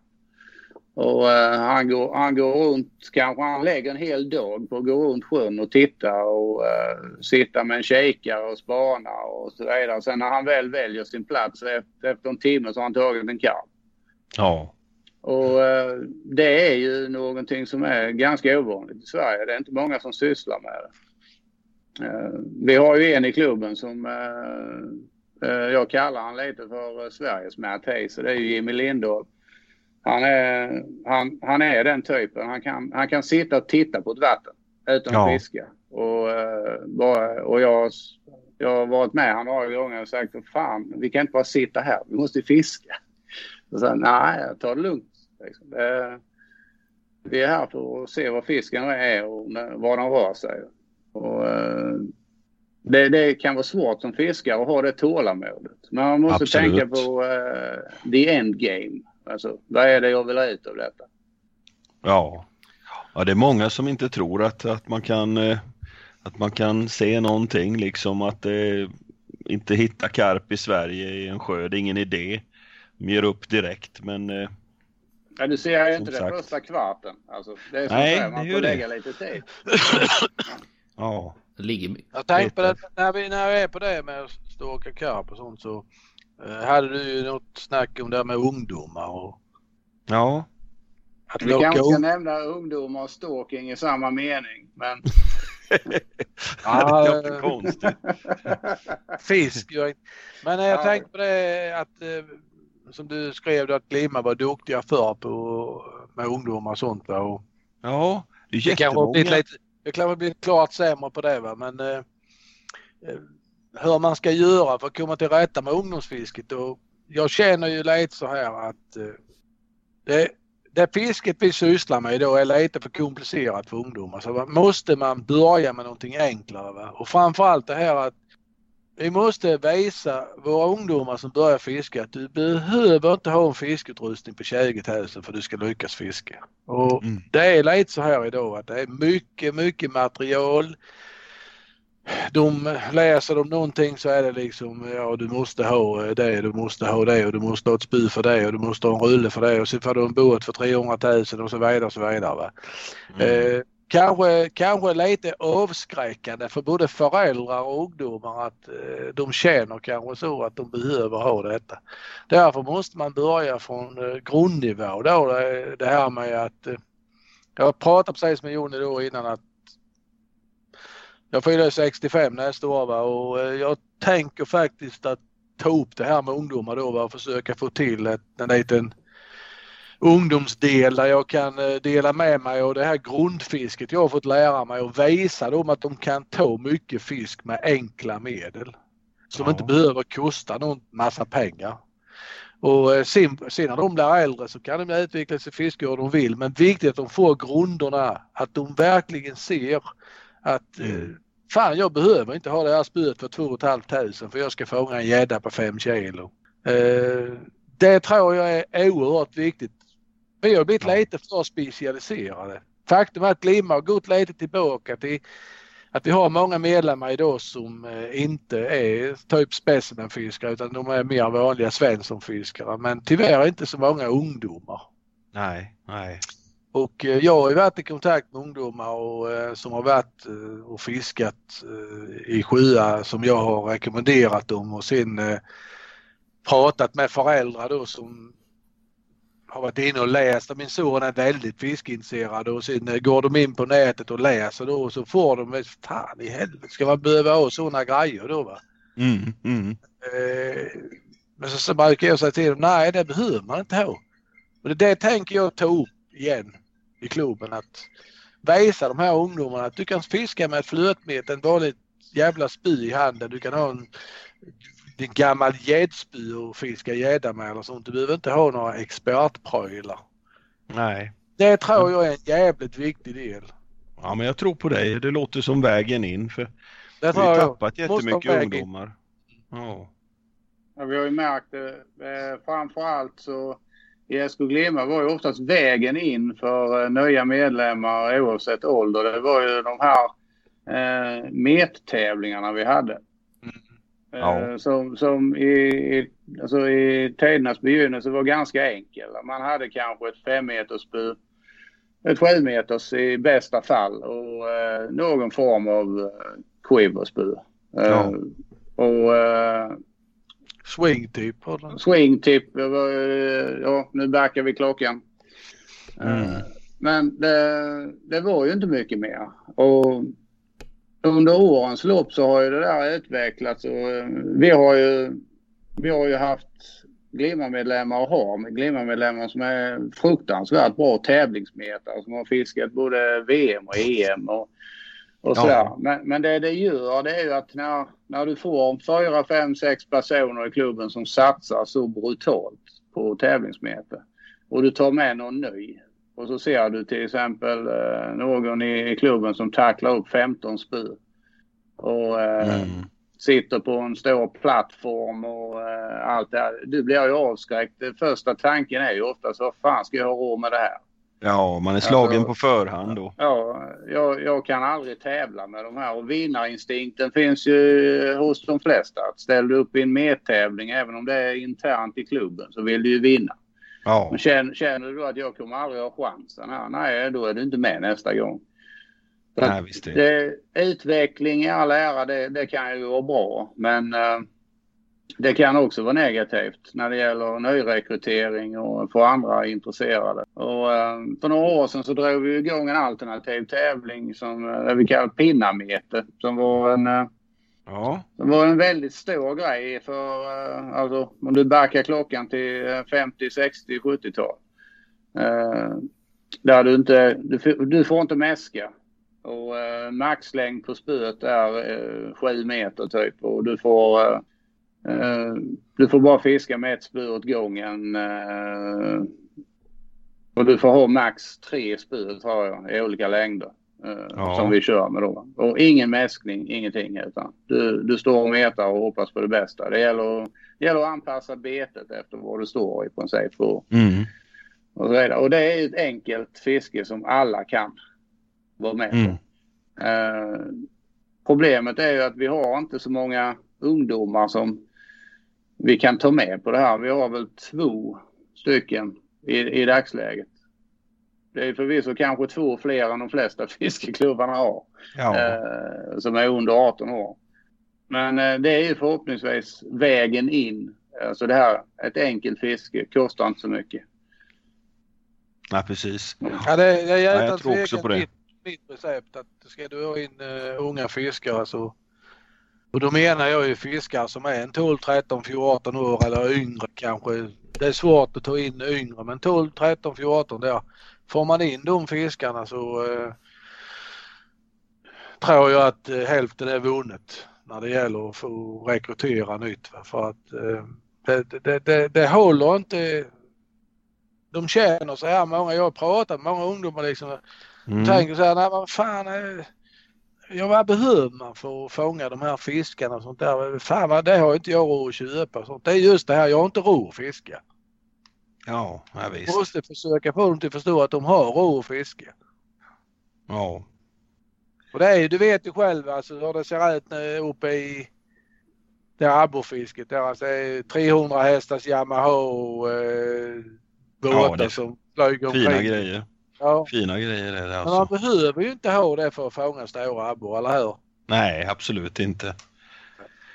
Absolut inte. Det är avskräckande. Måste nog visa Ja, jag enkelheten mer. Alltså Ja, det är absolut. jätteviktigt. Att det behövs inte mer än ett, ett spö och en rulle och du kan komma långt på det. Ja, det är Mm. det. Det, det, det komplicerade tar man när man är fast i det. Får de ta själv sen när de har vuxit till så Mm. är det. Så. Jajamän. Eh, Ja, jag, jag kommer till börja med det. Va? Det ty- tycker väl dröja något år till men sen kommer jag till att dra igång det här. Och, framförallt det är en grej som jag brinner starkt för det är ju liksom att ta ut dem till ett vatten och låta lära dem läsa vattnet. Alltså. Ja. Att här finns det brax och karp och sånt och säter och sånt och var ska jag fiska det? Mm. Alltså många, alltså du tjänar ju oerhört mycket på om du kan läsa ett vatten. Alltså du kommer ut och bara sätta dig planlöst. Det, det är ju det är ju en nackdel egentligen. Men kan du läsa ett vatten, du tittar på vattnet och nu säger du att där borta ska jag fiska säter och där borta ska jag fiska brax. Och Kan du läsa det vattnet på det viset så har du ju hälften vunnet. ja, absolut. Det slår alla ekolod i världen. Absolut. Ja, det är härligt. Ja, jag hoppas att ni lyckas med det där för jag tycker det ser lite tunt ut alltså. Det är mest Ja. gamla gubbar i vassen nu för tiden. Ja. I Ja. Ja. ålder. Mm. Men det finns hopp. Eh, Vi får ju ändå nämna Mårtens eh, enorma satsningar han gör. Eh, Hans film Nej. På Ja. filmerna och det. Mm. Ja, filmerna och han, han drar ihop ungdomar till höger och vänster och, eh, och lär dem meta och på alla sätt och vis. Alltså där, där finns Ja. ju ljusningar på horisonten men Det är fantastiskt. Ja. eh, det verkar faktiskt, det verkar ju vara mest här nere i Skåne faktiskt. Jag ser inte det så mycket uppåt landet i andra. eh, och det är väl lite det här med att föreningslivet har försvunnit lite grann. ja, här det har ju gjort alltså, det. Ingen som vill jobba ideellt längre. Nej, alltså vi är väl ganska unika med alltså 90 medlemmar någonting och Det är bra. eh, med alla aktiviteter vi gör. Alltså, förr fanns det ju stora föreningar, Balans och Rutilus och eh, Tinka och allt vad var, eh, Stockholm United och allt. Även om, även om det var, många av dem var specialiserade föreningar. Så du hör ju inte riktigt talas om Nej. några föreningar längre i den bemärkelsen. Nej, det har försvunnit här omkring i Kalmar län också. Vi har ingenting i, i Kalmar, ing, ingen tävlingsverksamhet i Oskarshamn eller... Nej, det är väldigt glest är det. Så det... Allt blir Det mer individualiserat. Mm. Ja. Så är det. Jaha, ni har kört på lite re andra resor också. Ni har varit eh, iväg på lite Arapaima och grejer va? Ja, det började väl då när vi åkte till Thailand. Eh, Första gången du var med Jonny, då började, fiskade vi ju mekongmål i, i Bungsam land. Och det var väl första gången vi var där. 2004. Ja. Mm. Och det är ju en jävla fisk till att dra där så det kan man ju säga är- ja, det är väl bland det grymmaste man kan få på. Så det är en rankad trea i världen när det gäller efter Taipon och, eh, Ja, det är så. Ja, och eh, Mashier. Sen kommer väl den sen. ja. ja. Så eh, men det var faktiskt ganska kul men det var väl lite så här, det var svårt att få upp riktigt stora fiskar alltså för det, de gick ju rätt in i det. massa jävla pålverk. Jaha, okej. Men sen andra året så förflyttade vi oss till, då fiskade vi ju i Chanam vid Hua Hin. Och Det var ju intressant eh, ställe där. Där det var John Wilson bland annat har varit där och fiskat eh, siamesisk karp. Ja. Och när vi var där så eh, satt en gammal gubbe där till höger om oss. Och det visade sig vara en gammal specimenfiskare från England. Okej. Er- Eric hette han, rätta mig om jag har fel Jonny. Stämmer.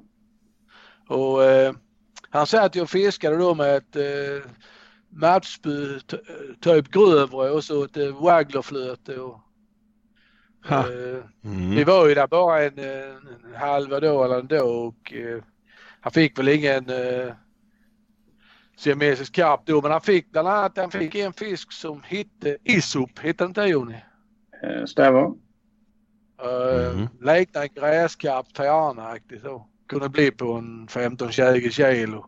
Han vägde Ja. kanske en 6 kilo den han fick då. Och då blev det, tänkte man så här, fan alltså vi, vi, vi, vi tänker ju åka dit en gång till och då ska man ju fiska där då va. För att han lärde oss då, han hade ju fått mycket sån här siamesisk karp upp till 42 kilo och sånt va. Men vi fiskade ju bara med det här jävla mekongmålsfisket då. Ja. Eh, fick vi ju med då. Ja, vi fick inte upp någon, men min påg han bommade en Packu då va.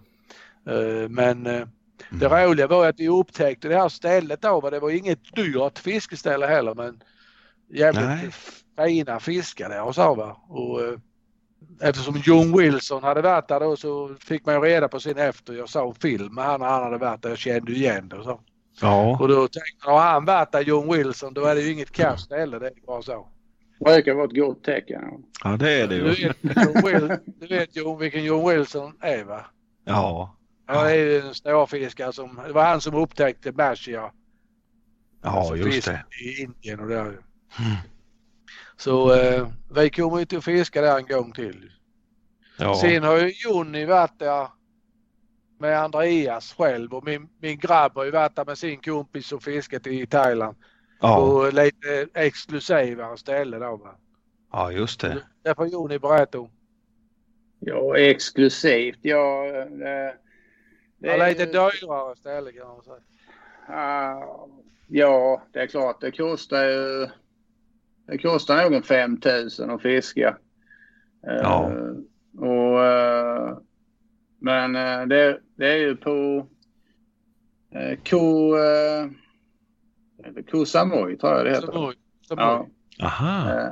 Och en ö där de har ett vatten som är... Ja, det är inte jättestort, det är det inte. Jag vet inte vad jag ska jämföra det med. Kanske som ja, Hjärtasjön känner du till? Ja, Eller- visst. Eller, ja, Mm. eller lite mindre än Stensjön typ fast eh, det, det är ju det är som sagt gräsmatta runt omkring och bungalows och, och bryggor och sånt eh, är det ju byggt va men det, det ska ju ändå, alltså jag säger, man vet att det är fisk i vattnet men eh, den ska ju krokas och den ska landas. Ja. Och, eh, vi visste vad det var och eh, det är jag, jag var jag och min systerson då. Eh, han ville ha en papegojmål, det var vad han drömde om. Och Ja, jag ville ha en arapaima. snygga. Ja. Eh, det enda jag sa eh, till guiderna där att jag vill inte ha någon jävla mekongmål. Så jag har tagit 500 stycken. Det, Ja. det, det är inte intressant. Första tre fiskarna jag får var med kongmalar naturligtvis. Uh, uh, inga storlekar, alltså upp till 30-35 kilo och sånt där. Uh, men Ja. sen får jag ett helt annorlunda napp. Och jag kände det här är ingen mål tänkte jag. Men, uh, betedde sig inte som någonting annat jag har fångat i Thailand. Okej. Och, Ja. det, det var en Giant Siamese Carp men det var en, eh, en mindre variant på 17-18 kilo. Och det Ja. låter kanske eh, konstigt att säga en mindre karp på 17-18 kilo men de, Ja. kan ju, de kan ju bli enormt stora. Eh, 120 kilo är rekord i Bungsatland. Åh herregud ja. ja. Vilka as. Ja. Men det lyckades ju... eh, eller, jag, visste vad jag tog den på och jag fiskade då så att jag började anpassa fisket efter att få den. Och, eh, det var inget annat som nappade. Så att eh, någon timme senare fick jag napp igen. Och då, eh, då lyckades jag landa en på 36 och det var den största jag fick. Eh. Och det är ju... Ja, det är en fantastisk fisk att drilla. Eh, Häftigt alltså. det går, det går inte riktigt att jämföra med en eh, vild svensk karp, vad man kan kalla en karp för svensk. Men alltså den, den är Mm. lite långsammare men du känner ju knyckarna är ju brutala. Ja. Och, eh, munnen på den var väl så att den kunde svälja en handboll och det var, en, det var ändå fisk då på bara 36 kilo. Ja. Och, eh, och då började jag ju bli, jag tänkte, hade jag tagit eh, Siamese Carp, jag hade tagit eh, mina malar och tänkte vad finns här mer då? Ja, Arapaima var ju drömmen. Eh, Ja. Men det sa de att det blir svårt att ta en Arapaima. De är notoriskt tröga sa de. Men eh, tänkte Pacu hade de ju. Mm. Mm. Eh, ja, och eh, jag vet ju vad den största anledningen till, eh, till att uh, metare i Amazonas dör när de står och fiskar utan kalsonger. Eh, Okej. ja, jag vet inte om ni har sett en pacu men eh, det den äter Jo. det är, det är typ, du kan tänka valnötter som uh, ramlar ner från träd. Det är inte valnötter är det inte i Amazonas. Nej, det är frö. liknande. Eh, det är något frö. Ja. Bananer och Och- sånt också va? Nej, den är det- specialiserad men- på den är specialiserad på f- fru som ramlar ner från träden. Stora fru. Alltså, det är inte helt fel som Jonas säger valnötter. Det ser ut så. Ja, ja, ja. Och det ser det ut om du, om du eh, doppar dina nedre delar i vattnet utan kalsonger så kan det ju se ut som två valnötter. ja. Eh, Och bananer. Jag sa ju Ja, bananer. ja, en det är klart. banan och två valnötter. Ja, ja, ja. Eh, nu, nu var jag inte så drastisk så jag satte tacklet i tacklet och hoppade i vattnet. Det var inte, inte riktigt så. Men eh, jag formade en, eh, en bröd, eh, en sån här mäsksamling. Eh, så det var ungefär i storlek lite större än en valnöt. Ja. Och eh, så sa jag till guiden att ro ut det till andra sidan. Och eh, droppade i kanten där. Eh, och eh, så var det tacklat så att det låg precis under ytan. Mm. Och det, han hade inte, han hade knappt släppt i det och vänt sin lilla jolle förrän eh, jag fick napp. Och mycket riktigt, det, det var en parku. På vad var det, sju och ett halvt vägde den. Och det är i princip en piraya på sju och ett halvt kilo. Ja. Eh, enda skillnaden med, mellan en norm- liten piraya och denna det är att den har människotänder. Mm. Ser precis ut som en människas tänder. Ja. Eh, De Måler de här eh, fruarna och nötterna så måler de med de tänderna. Helt otroligt. Alltså det- tänderna ser precis ut som en människa. Ja. Utan amalgamlagningar. ja, det var inga, han hade inga lagningar. Nej. Och, eh, när vi hade ungefär 45 minuter kvar att fiska. Så, eh, så har ju han inte fått sin eh, mal och jag har inte fått min arapaima. Men vi får napp exakt samtidigt. Och han landar en papegojmål och jag landar en arapaima. Det var som att vinna på lotteri. Eh, vi sov inte en blund den natten. Eh, och, och det, den papegojmålen är ju så fantastiskt vacker. Uh, och Arapaiman är ju lite skräckinjagande. När man skulle hoppa ner i vattnet och fotograferas med den så var det... Det är ju... Det är svårt att... Alltså hur lång den och grov den här fisken är. Det, det var ju ingen jättefisk. Mellan 50 och 60 kilo. Men det krävdes ändå tre man för att hålla, hålla upp den. Ja. Uh, Den eh, du säger papegojmål, det är den som kallas redtail. ja. Ja, precis. Ja, och det, det fisket som är där, det är ju, det är ju annorlunda fiske man säger så. Det, det känns ju lite konstgjort kanske men det är rätt så härligt ändå att få känna på sådana här jättar alltså. Ja. Ja, och det är få ställen du kan åka till. Alltså, eh, skulle man hitta Arapaima, Pacu och så här så skulle du få åka till Sydamerika och Ja, kanske spendera flera veckor i djungeln för att försöka. Och, och den är, det är en fredad fisk i Sydamerika, Arapaiman också. Så du, du får ju inte fiska den utan specialtillstånd om du inte heter Jeremy Wade. Så att, Jaha, och det gör man. Jens, Jens Bursell han har ju sovit i en hängmatta. och så. Men Han, även där har så- inte han sommarstuga i, i Jo. Lönsboda? Ja det har han. Har, har ni träffat han? Ja, jag har träffat. Ja, ja. Ja, Ja, ja. Ödehus kallas det ju. På danska. Sommarstuga. Ja. Ja. Jo, jag har träffat han faktiskt. Det var faktiskt roligt det här med Jens Bursell för första gången jag träffade han. ja. Det var när jag och Jörgen Larsson var i Henrikstorpsbrunn och fiskade karp. ja. Och eh, vi satt ju på ett ställe där vi och sen rätt vad det var när vi på dagen så kom det en långhårig udda typ där. Och, och, och Ja. frågade, frågade på danska om vi hade fått något då. Ja, vi hade fått en varsin karp och sånt. Ja, jag har inte fått något, sa han.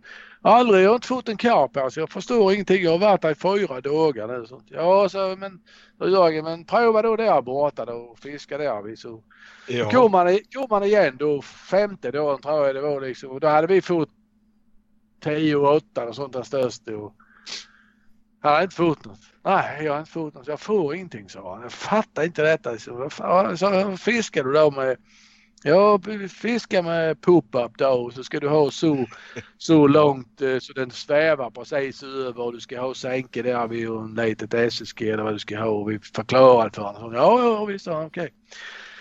Och sen kom han sjätte dagen så sa han Ja! Jag tog en sa han. Jag fick en. Vägde Ja. 10 och 2. Så, så jag så fick ett tackle. Ja, så han är helt otroligt. Jag gjorde som ni sa. Men jag glömde sätta på sänket så jag hade en halv meter över botten. Då fick jag den fisken. Han glömde sätta på det som tynger ner pop-up. ja visst. Straight Ja. off the lead. Det var första gången jag träffade Ja. Häftigt. Jo då, jag har träffat han. Han har varit hemma hos mig och hälsat på där. Pratat lite om karpfiske våra vatten. Ja, Så han ja. är som en pålnad. Så han har säkert fiskat, bara ingen som har sett han, men han har säkert fiskat många gånger överallt i våra vatten. Ja, ja, det har han säkert. Ja, ja, ja. Jaha, vad säger vi nu Krille? Har vi...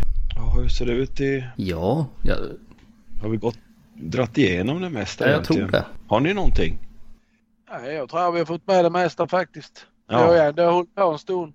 Ja, vi har gjort det. Två kanske timmar. Det har tagit eh, för lång tid detta, jag vet Det är så när man pratar, man, man kan ju Ja. sitta och prata i timmarvis så det är ju inga problem. Det är, Nej, det är ju så. fiskehistoria är väl det man har mest. Ja, Både misslyckade och lyckade. ja.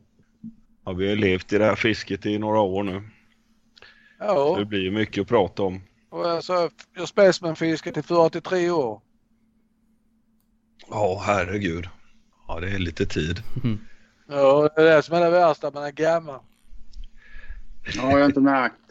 Nej, Nej. ja, det, det tror jag faktiskt alla har märkt. Det jag tycker är fantastiskt roligt det är ju att man, eh, att, som då när tog frågor, att man fick en sån respons på kommentarerna. Sånt. Det var ju nästan som man blev lite tårögd. Alltså när man satt och läste då känner man så här, fan man har nog gjort något rätt egentligen i det här fisket. Alltså. Ja, men det har du verkligen det var gjort. fruktansvärt roligt att läsa får jag säga. Jag får tacka Ja. alla som skrev. Ja, det var grymt mycket kommentarer på den, verkligen. Ja, jag- jag blir Jag rörd. skulle nog säga att det var nog flest kommentarer på den. Av alla vi, vi har gjort. Ja, det är otroligt. Ja. Att man har talat så men man är ju så gammal. Nej, men det visar ju ändå på att eh, du har, det finns gott om fiskare här ute i Sverige som eh, gör sina efterforskningar ändå. Läser gamla artiklar och Ja. försöker lära sig så mycket man kan av de som har gått före i bräschen. Ja, ja jag har ju Det- alltid sett upp till dig Göran. Jag tycker du har varit en fantastisk eh, mentor för många eh, specimenfiskare här i Sverige och även för mig. Jag, har ju, jag tycker du har rätt inställning och sånt där till fisket och ja, det varit kul. tack. Ja, det, kanske, det kanske ni kunde avsluta med att berätta hur fan träffades ni? ja, det får du göra Göran. Jag, jag kommer inte ihåg det alltså. Jag tror vi träffades, eh, vi träffades eh, i, i eh, jag tror att vi träffades i Husmo. Ja, det kan vara så. Ja, Men sen, vi träffades bara flyktigt där sen så kom ni hem till mig. Den Ja. berömda, den berömda eh, diabildskvällen. Oh, den var fantastisk. Det var, den gick inte av för hackor. Nej. Nej, det gjorde den inte. Det var jag och sen var det Andreas Svensson eh, från. Hultsfred. Och så var det Johan Axelsson också från Hultsfred. Ja. Ja. Så vi, vi, vi kom ju hem och, och, och Magnus Svenssons vänner då i ert, eh, Ja. ert eh, fisketeam var ju med också. Så eh, visade du den fantastiska bildvisningen. Jag kommer ihåg allting. Det var så jädra kul alltså.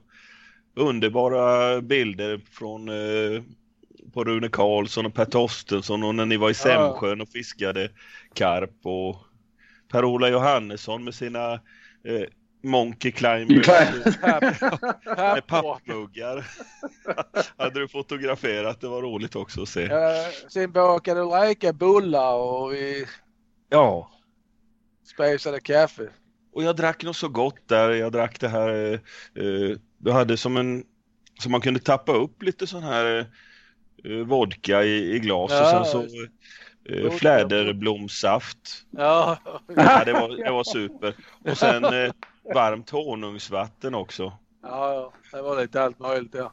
Ja, det var kul. Men vi hade ju 2500 diabilder att gå igenom så att Ja, jag vet inte hur långt vi kom. Vi har nog några kvar tror jag. ja det har vi. Vi tog inte allt. Nej. Det var någon som hamnade i, i häcken, Ja, dina kor. trädgården. Sen var det kört.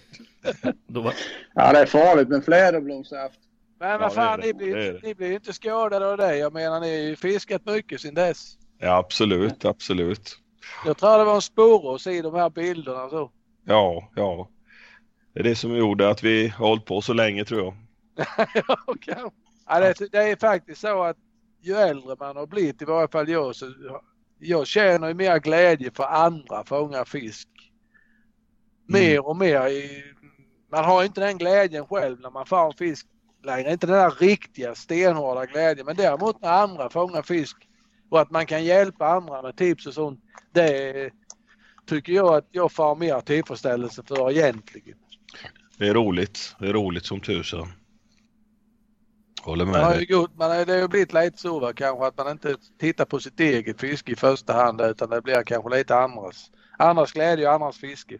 Framförallt ungdomar eh, tycker jag är skitroligt när de får fisk. Och man känner det att fan vilken glädje. Nu kanske det är en som fortsätter fiska och, Ja, och får uppleva det en annan har fått uppleva. Jag får hålla med. Det roligaste är när din bror han krokar sin livs fisk på ditt spö för att du är uppe i bilen och håller på att lasta. Så att, eh, ja, det är bara var gjort, med det. faktiskt. Ja. Det var ju samma som när vi var nere i Husmaun och eh, jag eh, såg det var en stor gädda som var uppe och rullade. Så sa jag till kompisen Inge då att fan den måste vi ta. Det är ju en rejäl fisk alltså. Ja. Och, jag slängde ju på ett eh, gäddmeter där och en slängde på en eid på ett halvkilo och ut med den ju. ja. Men vi hade ju suttit uppe i 36 timmar då så jag började bli lite trött så jag höll på att ramla i där vid, när jag satt där vid Husman. Fan, så tänkte jag måste jävla gå och lägga mig en stund. Jag orkar jävla inte längre. Och jag hann ju inte in i bilen. Jag hann precis in i bilen så nappade ju den gäddan. Ja. Och ingen skrek på mig så in i helvete. Göran du har för fan. Och till slut kunde han inte skrika mer. Jag låg ju däckad. Jag var ju så sov som en gris. Ja. Så han krokade ju fiskjäveln och drillade ju upp den och fick ju upp gäddan då. Och sen kom han ju till mig, sprang emot och fan jag har tagit en stor gädda på ditt spö. Jag skrek som fan. Ja fan det är inga problem. Ja. Jo, vad vägde den? 14 och 2 va? Ja. Vad vägde den? Ja. Men en av de bästa bilderna du har tagit. Ja, det är fantastisk bild på den fisken. Alltså. Fan vad häftigt alltså. Ut, ut, utlekt 14 och 2. Ja. Åh herregud, ja det är stort. Ja, riktigt stor gädda. Ja. Och jag vet ju att du hade ju ingen eh, storfiskregistrering på gädda vid den tiden och, och det, Nej. det, har, har, du, eh, har du fått någon sån efter det heller? Nej, det har jag inte. Jag har inte fått dem så gädda. Jag fick ju på 12 8 innan jag Ja, började ja. anmäla. Va? Så, Just det. Mm.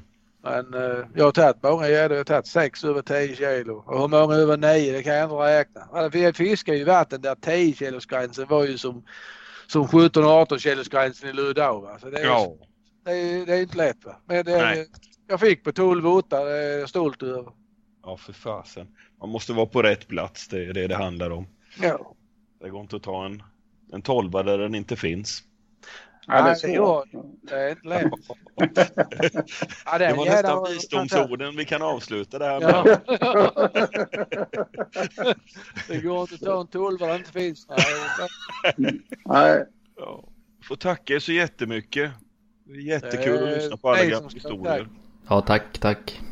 Ja, det har varit riktigt roligt det här. ja, tack själva. Det är alltid trevligt. Vi kanske får träffas vid lägerilden en gång så kan vi ta resten. Det. Absolut.